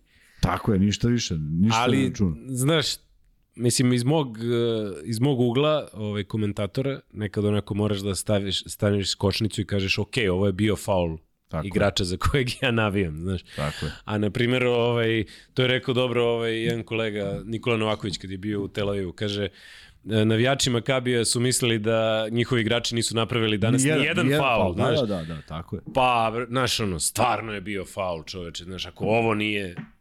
Moraš, moraš da budeš i tu realan. Ljulj je pravio korak i kaže on, znaš, kao kako? Kako, da, Kako, kako, napravio- ja korak? Ne, ne, ima, ima tu svega i svačega i ne kažem da je lak posao i ne kažem u jednoj brzoj igri kakva jeste da se, ali prosto neke stvari su nedopustive, ima trojica sudija, aman ljudi daj. e, Kuzmo, Nikad ali, ali, ali uh, kad pogledaš FIBA sudije posle, kad vidiš kako se sudi gore, na da, svetskom da, da, prvenstvu, da. na olimpijskim igrama, vidiš dobro. da ovi u Euroligi su ćuti. Ali rekao sam Luki drži. prošli, prošli, prošli podcast, nikada nismo u sedam godina koliko radimo ovo pričali toliko o sudijama koliko ove godine. Dovedite nekog sudiju da vam bude gost. Mislili smo, to je, bilo je predlog i onda smo Mm. rekli šta ako ga dovedemo i počne da brani sudija. Onda moramo da ga ovde Pa morate da ga rešetate. Moramo ga prebijemo. Ali dovedite nekog da bivšeg ga sudiju. rešetamo. Pa bivšeg, da. Ali i Bujšić Ja mislim da ih te kaže- trenutno ni ne smeju. Da. Mo, ja mislim da može. Ima, Može. Ima, ima dobrih ljudi koji su čak i ponudili ako bilo šta treba i planiramo u nekom Da. Ali kažem ti, iznervirat ću se. Milan Jovanović je pogodio 2007. 9. i 11. Svaka čast Milane, znaš šta ti je E, činiti. zapravo nije bilo teško zato što Pao je osvajao na svaku neparnu, Mm. ali ja sam mislio da je Diamantidis i više od toga igrao, da nije, sam, da misli, rekao bih pet, ono, znaš. Ja mislim da je on debelje Koliko i Željko. prešao. Da, ja mislim da, tako je. Tako nešto. Tako da da. To je okej, svaka čast. Koliko imamo, koliko Ako- imamo ako nije Google. Lajkova? Lajkova 567, a Dobro, super. 2141 osoba O, lajkova. svaka čast ovaj. A nismo pozivali na lajkove, Kuzma. nismo zato- pozivali. Luka to voli, a pozovi njega kad nema, jasno. onda, onda ovaj, smo tu gde jesmo, ali ovaj, hvala svima što ste naravno uz nas, da, da, da ne zaboravim. I, I jednu stvar koju sam zaboravio, a eto, ovaj, desila se već jedna ružna, pa ovaj, nisam, nisam teo se nadovežem, ali danas je godišnjica smrti Boška Đokića. I sada, e, nažalost, nisam imao prilike da radim s njim i upoznao sam ga tek relativno kasno, u, kad je on već bio ajde da kažem u penziji, nije imao, nije imao ozbiljnih poslova, kada sam ja izašao iz Saveza, u stvari radio u Savezu u tom periodu, to je neprocenjivo druženje bilo. Dakle, čuješ jednu potpuno ludu glavu, jednog majstora koji tačno zna šta priča, koji ima svoj neki alter ego, Njofra Paviljonski, pošto je on pisao ovaj, kolumne za određene novine, to je sa toliko duha, sa toliko smisla, sa toliko šmeka, sa toliko uh, pogađanja u centar koji su, koje su anomalije, šta se dešava u trenerskom poslu, šta se dešava kod igrača, da je zaista bio omiljen i eto, proveli smo neko vreme zajedno, ja ne ti objasnim koliko je to bilo neprocenjivo, s obzirom da nisam imao prilike da sarađujem s njim, Uh, igrao sam protiv njega mnogo puta i znao manje više dosta priča o njemu, ali mnogo mi je žao što nas je brzo i stvari iznenada napustio. Bukvalno, bukvalno smo bili šokirani šta se desilo. I eto, radio je tu jednu, pisao je za časopis trener i radio je tu jednu kolumnu, ja mislim u Danasu, koja je izlazila sa, sa toliko duha i one mogu da se nađu i dan danas mogu da se izlistaju, tako da je stvarno lepo pogledati, a pritom veoma aktuelan i veoma britak na, na jeziku, s tim što to sve lepo upakuje, da stvarno ovaj, kad počitaš između redova uživaš i mnogo mi je žao što ga nema, jer mislim da je imao da je ostavio strahovit utisak na svoje saradnike i da je imao još šta da kaže u svetu u trenerskom svetu i nešto što mi se dopalo kod njega, što mi se dopadalo kod Darka Rus, nisu se libili da uzimaju timove koji nisu wow, znaš, nije ono sad kao neka Euroliga, pa ganjaš nešto. Darko Russo je bio trener u toj patri u A2, Grčkoj. Boško je radio u svim klubovima u kojima je nalazio smisao, jer smisao je bio da stvoriš nešto, da napraviš boljeg igrača, da taj klub koji jeste, možeš ga postaviš za, za šampiona Evrope, ali možeš ga digneš u neki viši rang, možeš nešto. I radili su istim entuzijazmom. To je ono što mi je bilo fascinantno. Ta patra kad sam došao kod Darka Rusa, načina koji smo radili sa igračima koji to nisu iskusili, e, to je ovo što Željko ili što Duško Ivanović mogu da imaju sa određenim igračima, ne razumeju prosto. Znači, Darka i Rusa su pokušali da kapiraju godinu dana i neki su uspeli, neki nisu. Ali, ali zadovoljstvo raditi s takvim trenerima koji ne prave razliku u kom klubu rade, nego traže najviše i ja mislim da je to pravi put. Tako da i to je jedan, eto, jedno sećanje na čoveka koje, koje, koji nije više sa nama, A, ne mogu da kažem da je bio u godinama koje su značile da će brzo otići, jednostavno srce ga izdalo i ostaje ta neka ajde da kažem rupa, jer je bio poseban u tom nekom. Ima trenera, ima ovako, ali on je bio nešto što je da je bio za, za, za više nijansi drugačiji od mnogih i delovo mi ono što sam upoznao da je vrlo na zemlji, da je pravičan, da uh, je onaj onaj što, koji voli košarku. A jedno divno misao sam čuo sad dalo od njega ili u tom periodu, kaže, nekad se za košarku živelo, sad se od košarke živi. I to je ogromna razlika tog nekog entuzijazma koji je postojao, koji sada mi živimo u sistemu u kojem je to nemoguće. Znaš, kad nekom nešto učiniš za džabe, on te gleda da li si normalan. Postalo je tako vreme, a to ti je negde, negde si u tom miljeu odrastao i sad je to drugačije, tako da to nam nedostaje. I sad svi koji žive od košarke ne imaju taj entuzijazam, to je potpuno logično. Da li pratiš NBA? E, pa kad se ospomenuo, danas je, nažalost, tri godine od kako je Kobe, Kobe Bryant, tako da, je, to sam vidio. 26. Da. Jeste. I da, to je, da, mi smo imali poseban podcast o tome, ali eto, jedan takav velikan, bez obzira što je otišao u penziju, što nismo mogli više da gledamo na terenu, ali da se tako nešto desi, znaš, ostane ti jedna... I on i tekako bio akti, aktivan on bi imao, u, tom... Ko zna šta bi radio, da. U tom savjetovanju igrača, u, u, u, u zato što igrač kad, on, on nije mogao da se smiri realno, on nije mogao da ode u penziju i da I se da skloni iz života. Je, Hteo je stalno da dolazi na utakmice, da, da, da gleda Lakers-e, da gleda, ne znam, radio je recimo sa Janisom. Baš je izašlo danas, znam da je lepe reči govorio o Bogdanu Bogdanoviću, da, da mu se sviđao njegov stav I onda kad iz Bogdanove kože to gledaš kao neko, ko, neko zbog kog si ti počeo da igraš kočarku, da, uzme ne, tebe, ne od tebi da priča. A, znači, ono, nije, dobar nema ko više od toga da, da, znaš, da. to je to. Bryant je za njega bog, tako da, znaš, nema. Ovaj, I mislim da se Kobe baš dosta davao na, na, na to da, da, da igra i dalje ima neke, neke nove zvezde da, da, koje, koje, koje mogu da, da naslede to što je on radio, to što je, ne znam, radio Jordan, Larry Bird, kako god hoćeš, da, da, da i dalje postoje super zvezde koje, koje, koje su i van terena, koje moraju budu da, i da. drugačiji. I pa... imaju taj, taj šampionski stav. Tako je. Ali vidi, oni su stvarno bili, eto ti kad pročitaš o nekom tako ko je izašao iz fokusa u godinama, ti pročitaš koliko je nekih dobrih stvari uradio, dobrotvornih, ovakvih, onakvih, nekih anegdota koje su neverovatne i naravno to je za svako poštovanje, ali Luka je ovde rekao da da mu je posebno žao zbog Kobija zato što zna da bi bio uspešan u bilo čemu, a sigurno se ne bi povukao, što kažeš, ne bi negde sedeo i igrao tenis, ne, sigurno bi bio uspešan u nečemu, jer je takav, takav bio njegov mentalni slop. Tako da ono opraštanje svih tih velikana od njega je zaista bilo i emotivno i potpuno razumljivo, jer e, mnogo mi se dopada, za razliku od cele, cele igre u NBA ligi, što je stvar zaista ukusa, meni se dopada to nešto što mi nikako, evo ja sam pokušao i zahvaljujem se Draganu na ovome što mi je dao, ja pokušavam da, da, da negde samo kažem da su postojali neki ljudi koji su bili pioniri. Neki ljudi koji su... Oni to ne zaboravljaju, da. Tako je, oni to ne zaboravljaju. A ni ti pioniri se, ovo sad što kažem, Brian se nije povukao. Pa ugledaj Dirka Novickog. Znaš ti koliko je njemu stalo do, Kako? Pa do Dalasa, posebno sad kada, naravno, kad naravno, je ovaj Luka došao. Naravno, Dončić. ti osjećaš neku, neku pripadnost uh, Tako zauvek, a s druge strane o tim ljudima se priča u hvalospejima. O, hva, o, da, u hvalospejima. Šta se dešava? Mi sad pričamo, na primjer, e, znaš kada je to bilo 50. Čekaj, bre, ovo je neka istorija koju, koju malo koja zemlja možda ima. Tako je. A, ti imaš neke, neke, Pa neke... Španija nema, izvini. Pa to, pa hvala Aj, sad su oni sila, ali pa, da li su oni postojali u košarci pa, 50-ih? Pa naravno, ne, a šta je bilo? na mapi ih nije bilo. Pa tako je, pa hvala Bogu. Dugi niz godina. Prema tome, to su neke stvari, zašto ih mi zaboravimo? A, meni je bilo fascinantno baš Kobijeva izjava pet, kaže, najboljih svih vremena. Nema njega ajde, to iz, da kažeš iz vaspitanja nema. Ali on ima igrače iz 60-ih i 70-ih koji su obeležili tu epohu. A mi kad pričamo o 70-im kažemo, e, jevi ga, bilo lako, igrala se odbrana. Čekaj, bre, tad je, tad je neko imao te predispozicije i pravio Nećemo, čudo na tom da, ne, možemo, ne možemo porediti ne epohe. Ne možeš da porediš da. ništa, tako je.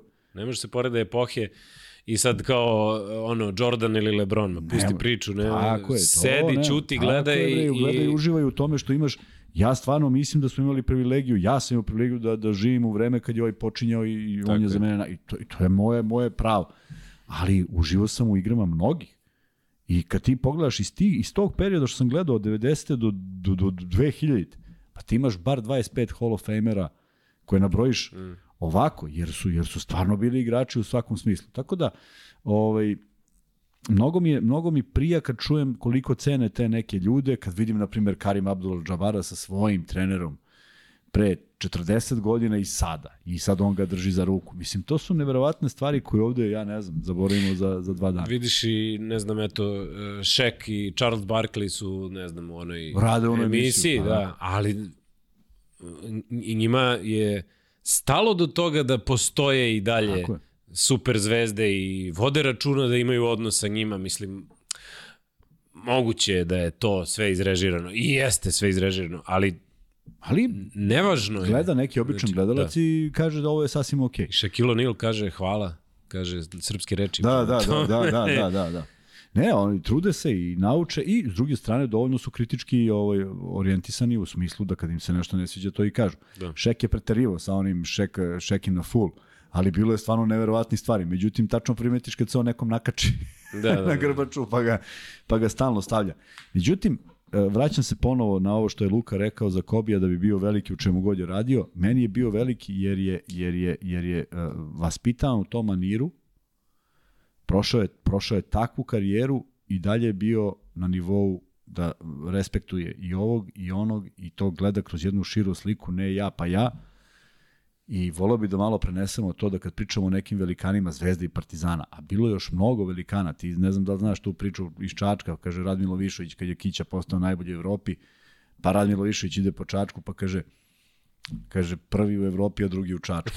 Znaš, ali to Nije su, dobio na basketu. da, ali to su, to su zaista legende koje mi treba da gajimo, ne da, da, da, da pričamo u bilo kakvom nekom pežorativnom smislu zato što je košarka bila takva. Pa oni, Korać, Pa Korać je smešno izgledao sam po sebi. Ogroman, pa malo pogrbljen, pa stil koji izbacuje. Ali kako je on to radio? Pa to je bilo za uživanje. Da li da ga poredimo s nekim 90-ih? Nemoj da poredimo ništa ni sa čim jer nije nije za upoređivanje. Evo, mislim, evo ko ne zna od mlađih košarka se igrala 2 puta 20, a sad se igra 4 da, puta 10. To ne, da misliš šta je to da, bilo? Da. Poluvreme 20 minuta je. Jeste, I to bez da, nema. Pa pazi, spomene Kuzma prošli put u podcastu Branko Sinđelić, to je sad izašlo u sredu kod Mile to podcastu. To priča o Đorđeviću, Daniloviću, da, da, Ivo da. Nakiću i tim igračima. Pa to je ono, pa gledajući kao bogove, pa, on klinac tad bio. I uđe u ekipu s njima. Pa, da, on, on kaže, ma kakva kožaka, meni najviše bilo kad me zvao Danilović u 7 ujutru da mu dodajem loptu dok on trenera. Ja treba ustajem u 2 jer živim u galenici, a on me zvao. Da, da. Ja to, moram da idem, to je, ja mora da hvala Bogu. E, to su, da, i tako smo, tako smo odrastali. Uh, ja, ja, ja, Sinđa je to upao u Partizan koji je bio prvak Evrope. Ja nisam imao tu sreću, ali zamisli kad ti se pojavi na treningu Bogosavljev, Zoki Radović, Slobodan Nikolić. Je, what, znaš, ti odjednom si Ne, ne možeš da veruješ, znaš, šta da ne govori. Znaš ko se pojavio u jednom periodu kad je počeo rat? Mario Primorac. Pa on je bio reprezentativac. On je, da li se sklanjao iz Sarajeva, da li šta. Osnovno u Beogradu imao sam dva treninga s njim. Ej bre, dodirno si Marija Primorca, znaš, od 90. je bio prvak, svetski prvak sa reprezentacijom, dakle, znaš, nadrealno je da si s njim na terenu. Mogu zamislim kako, kako je Sinđi bilo kad da, uđe da. da. sa sa, sa takvim velikanima. Tako da ima tu mnogo lepih priča i, i e, jedna od ideja ovoga svega je da imamo i goste koji će to da gaje. I ja se nadam da ćemo kad prođe aktuelnosti malo da se pozabavimo i time, pošto nam je to u planu. Tako smo u krajnjem slučaju i krenuli sve ovo. Tako, ne, teo neko nešto kaže. Učinilo mi se da je neko od vas dvojice.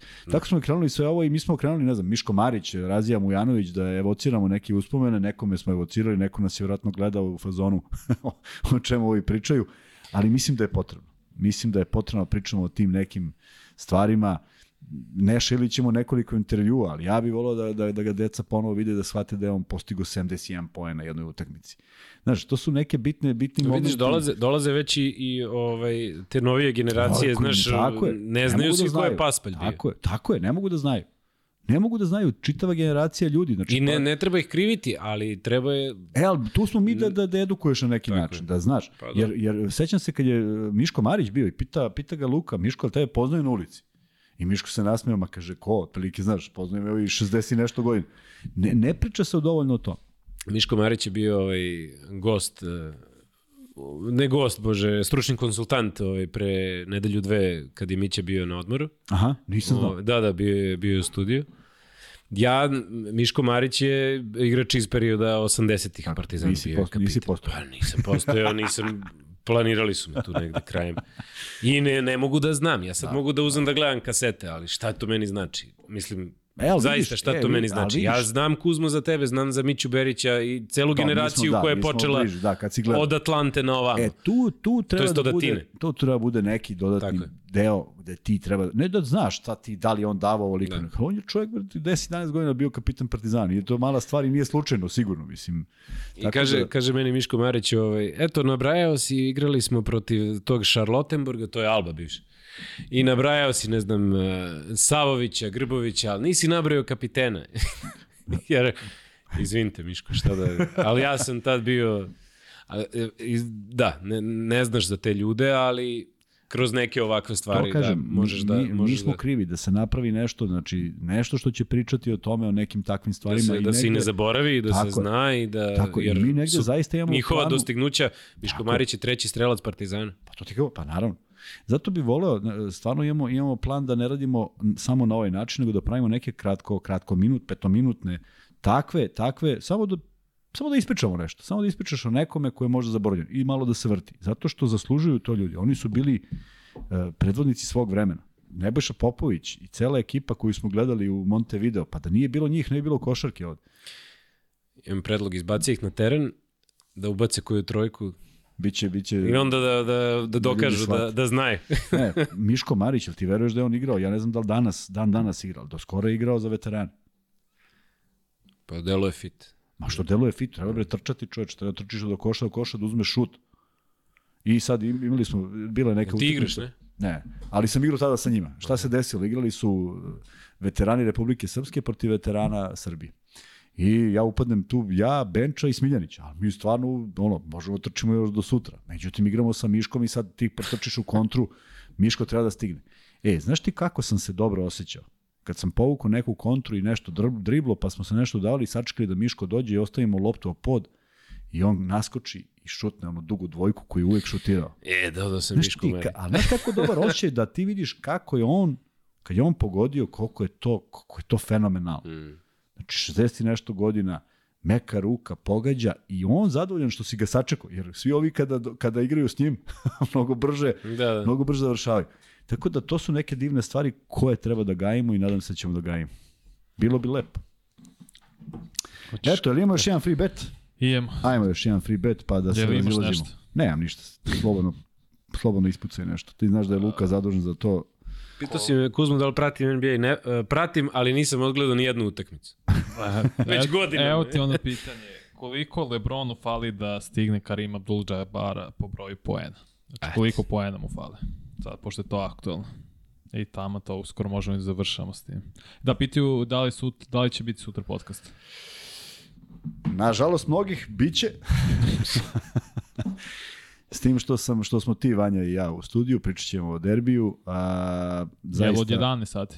Od 23. Od 11, da, od 11, pošto u 7 nam je utakmica, Marko će to da završi, mi ćemo verovatno posle toga studiju još nekih pola sata, ali sigurno završamo do 11. Pričat ćemo o derbiju, malo ćemo se više posvetiti vašim pitanjima, ja ću dati svoje viđenje. Uh, ne mogu da mu odgovorim kad će Luka da se priključi, ja bih volao što pre, ali mislim da, da, da je negde upitan i ponedeljak. U svakom slučaju pokušat ćemo nešto da, da improvizujemo. Ako ja budem smislio nekoga za ponedeljak, pa na tenane da dođemo da radimo, možda, ali u svakom slučaju ovaj period će proći ovako. Uh, Sigurno će biti neki novosti. Ja kažem, možda ćemo više sutra, ne možda, sigurno ćemo više da se posvetimo pitanjima gledalaca i da malo eto napravimo neku diskusiju. Meni je drago što je Marko došao večeras iz prostog razloga što bi ovo bilo dosta teško. Ovako smo... I, i meni je drago ovaj, što sam tu, ja, ja bih ovaj, par reči da, Ajde. da kažem, ovaj, da vas nahvalim. Ja sam bio prošli put, pa ja sam bio prošli put gost, ali sad je ovo stvarno ono, ja tebi serdare, ti meni ovaj. Ja sam prošli put bio gost, ja sam pogledao bu, bukvalno ono 5 minuta podcasta, a znao sam da, da, da vam lepo ide i to. I onda sam video, jebote što se ovi cimaju oko ovoga, znaš, o ku, Kuzmu čoveče, više se cima nego Luka. Gledam, uje, dobro. I onda vidim da, da ovaj, taj uspeh je ovaj, Imamo je i, i, za, i za onako lep, vrednog rada. Jest, rada. Lepi I lepi osjećaj. osjećaj. Iskreno sam čak malo ljubomoran.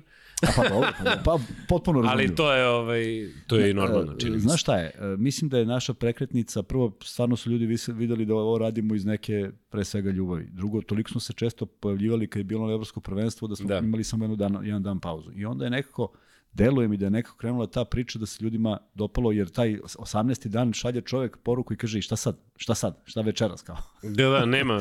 nema večeras. E, mislim e, da je to pre, prepoznavanje bilo. Nekog, nekog uzajamnog, da. a mislim da bez gledalaca ovo, ne sad, ja sad kao pričam gledalacima, nego bez gledalaca ovo nema nikakva smisla. Pa zato što, šta, koliko, koliko je bilo? 2000... 2000... 184. Da, Sada? Mislim, da. Mislim, i tebi znači kad to čuješ. Apsolutno, apsolutno. E, sad da, da je 150 kao... E, se priča za 150. Mi, mi, ljudi, ljudi ne znaju kad ugase kamere. Mi sednemo ovde, onako damo sebi odušak i kaže, Luka, kako da prekinemo u dve i po iljade? Da, I onda, da, da. I onda, i onda da. ideš, ideš u nešto što ti znaš da će sutra teško da ustaneš i sve da ide, ali I pričao mi je Luka dosta ovaj, o, o tom feedbacku, o tome šta jest, ljudi pričaju, jest, ka, jest. ka, mislim i sam vidimo ovaj, po društvenim mrežama. I, o, ali to je tačno ono što, je, što ti treba, jer ovaj, Samo ja, treba, meni na primjer priča jedan drug kao, e, ja idem na utakmicu, znaš, i onda dođem kući i onda uključim da gledam opet utakmicu, da, znaš, kao, i gledam i studio i sve. Znaš, ti kad dođeš sa utakmice ili kad e, gledaš utakmicu kod kuće, o, o, oće, mnogo si pod utiskom. Želiš isto veče da ra, razmišljaš o tome da tako je, evo tako da slušaš jest. vas dvojicu raz, na primjer koji koji pričate o toj utakmici. Ja na primjer ona nedelja kad je bilo duplo kolo sad ova poslednja Čuče svako veče posle tekme dođem kući jedan čvarke i gledam Luku i Kuzmu, znaš. e, pa odlično, I, ovaj, odlično. Znači, ti si među tim. Tako je trebalo i večeras da bude, ali e, bolje e, da sam ovde nego da jedan čvarke. Šta kaže, ko je Vuk tu dobio? Grbić, 158 mu Vuk Grbić, pa zar nije, šta mu fali? 158 poena mu fali da... A Vuk nije bio u ponedeljak, nije, a? Pa ne znam, Kuzma ne mogu setiti. Sad ću ja se setim. Aj, baci pogled. Samo da im ko je bio. Ako, Piše. ako je bio Vuk Grbić, onda Larry Bird je drugi. Čekaj, čekaj. Samo da im, čisto pošto znam kome sam... Evo, Marku sam poslao. A, nije bio Vuk Grbić, ne, ne, ne, Vuk Grbić nije bio. Dobro. Dobro, onda, onda znači Vuk Grbić i još dvojica Milan Jovanović i još neko je bio koji je poslao već, tako da Petar Mitić, da. Mm -hmm. Odlično. A, za evo, ti, evo ti vest, Jokić all, na All Star. Pa dobro, to je star, to, to mi ništa nije no. Uh, Marko, mnogo ti hvala što si bio. E, hvala vam. Da, to, da to, sam, to, sam, to sam teo da kažem samo da I, I sad sam mislim i rekao, da. Jesi da, rekao da, ovaj, mi je e, jako drago što sam bio. A može, ja sam ti donao ovih pet šoljica da izabereš jednu. Pogledaj kakve su, imaš, imaš uh, naranđastu tamo kod tebe, imaš ovu svetlo fluorescentnu, imaš ljubičastu, pa koju želiš da poklon. Što nosim kući? Pa jeste. I sad možda biraš, vidiš šta imaš. Samo nemoj ovu, ovu i ovu. Koju god želiš. Daj mi zelenu. Gde sam jelova? Da, u sredini. Dobro, ponećeš. Ja. Eto, lepo. Samo Luka piše na Samo Luka, pa da, ja idem u drugom, ja u drugom paketu. Ja imam druga, piše Kuzma. Da. Nećemo mi ništa da mešamo. O, hvala ti mnogo što si došao, zato što u uvek, nastaloj situaciji ovo bi bilo uvek. mnogo paničnije, ovako ja se nekako snađem. I hvala što ste me zvali i hvala na lepim rečima koje vi imate uvek za mene. Ovaj, Imamo, pratim, radiš dobar da, posao, radiš dobar posao, kad gledamo utakmice, osetimo tvoju energiju, osetimo da moraš da pokreneš te ljude koji to treba gledaju sa većim uživanjem. Da mora Partizan da pobedi. Pa, među ostalog, zato što, zato što ja sam, ja sam nekim našim gledalcima objasnio, objasnio, pokušao sam da objasnim Kako me nije sramota što nisam rekao da je nameran faul bio i za Monako? Kome da se izvinim? Monačanima, evo, izvinjavam se svima uživo da ne, ne, ne želim da imam tu objektivnost da moram da, da pravdam sebe zašto se poradujem nekom košu koji je dala zvezda i ne pada mi napome da uopšte diskutujem o tom. Tako da, radiš odličan posao zato što Hvala. mi deluje da, da taj navijač kod kuće je Sedi na kraju stolice. Sedi na kraju stolice, a ne kao sedi zavaljen Jer ipak je drugačiji osjećaj kada daš taj neki... Pa ako hoćeš da, da, da uživaš u košarci, onda nećeš Tako. gledati Partizan ako si navi... Mislim, uživaćeš u pobedi, ali ono, ne, ako, ako hoćeš da uživaš, brate, uključit ćeš Hvala neku utakmicu koja, u kojoj nema tvog tima. Ako je tvoj tim tu, ima da se pokidaš Tako, to veče. I to je to. I nadam se da ja tome doprinosim, da se svi Ja pokidam. se nadam, bar ove reakcije koje smo mi dobili vezano za tvoj posao od naših gledalaca da. su Hvala. pozitivne. 126. izdanje gotovo. Žao mi je što je, kažem, ovaj, započelo ovako i nadam se da, ćete, da će Luka brzo izaći iz svega toga. Neće nikad potpuno, ali da se vrati u nešto što voli, jer koliko god sad ovo zvučalo, neverovatno znam koliko mu znači da je ovde i koliko neke stvari obojica zaboravimo i koliko na nešto ne mislimo i koliko se posvetimo ome, tako da što pre dođe, mislit ćemo ići u drugom smeru.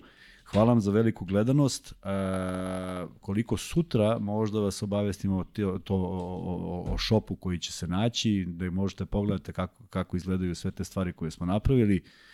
E, zašto smo ih napravili? Zato što prepoznajemo da ima ljudi koji stvarno žele da, da budu deo ovog nekog našeg e, društva i da se prepoznaju po tome. Ja sam čak napravio, evo vi to je duks, ali sam napravio jaknu za sebe koju ćete vidjeti, slikaću se negde zimska divna jakna i ovaj, ponudit ćemo i to, pa ko bude želeo, zaista možemo brzo da reagujemo i da pošaljemo.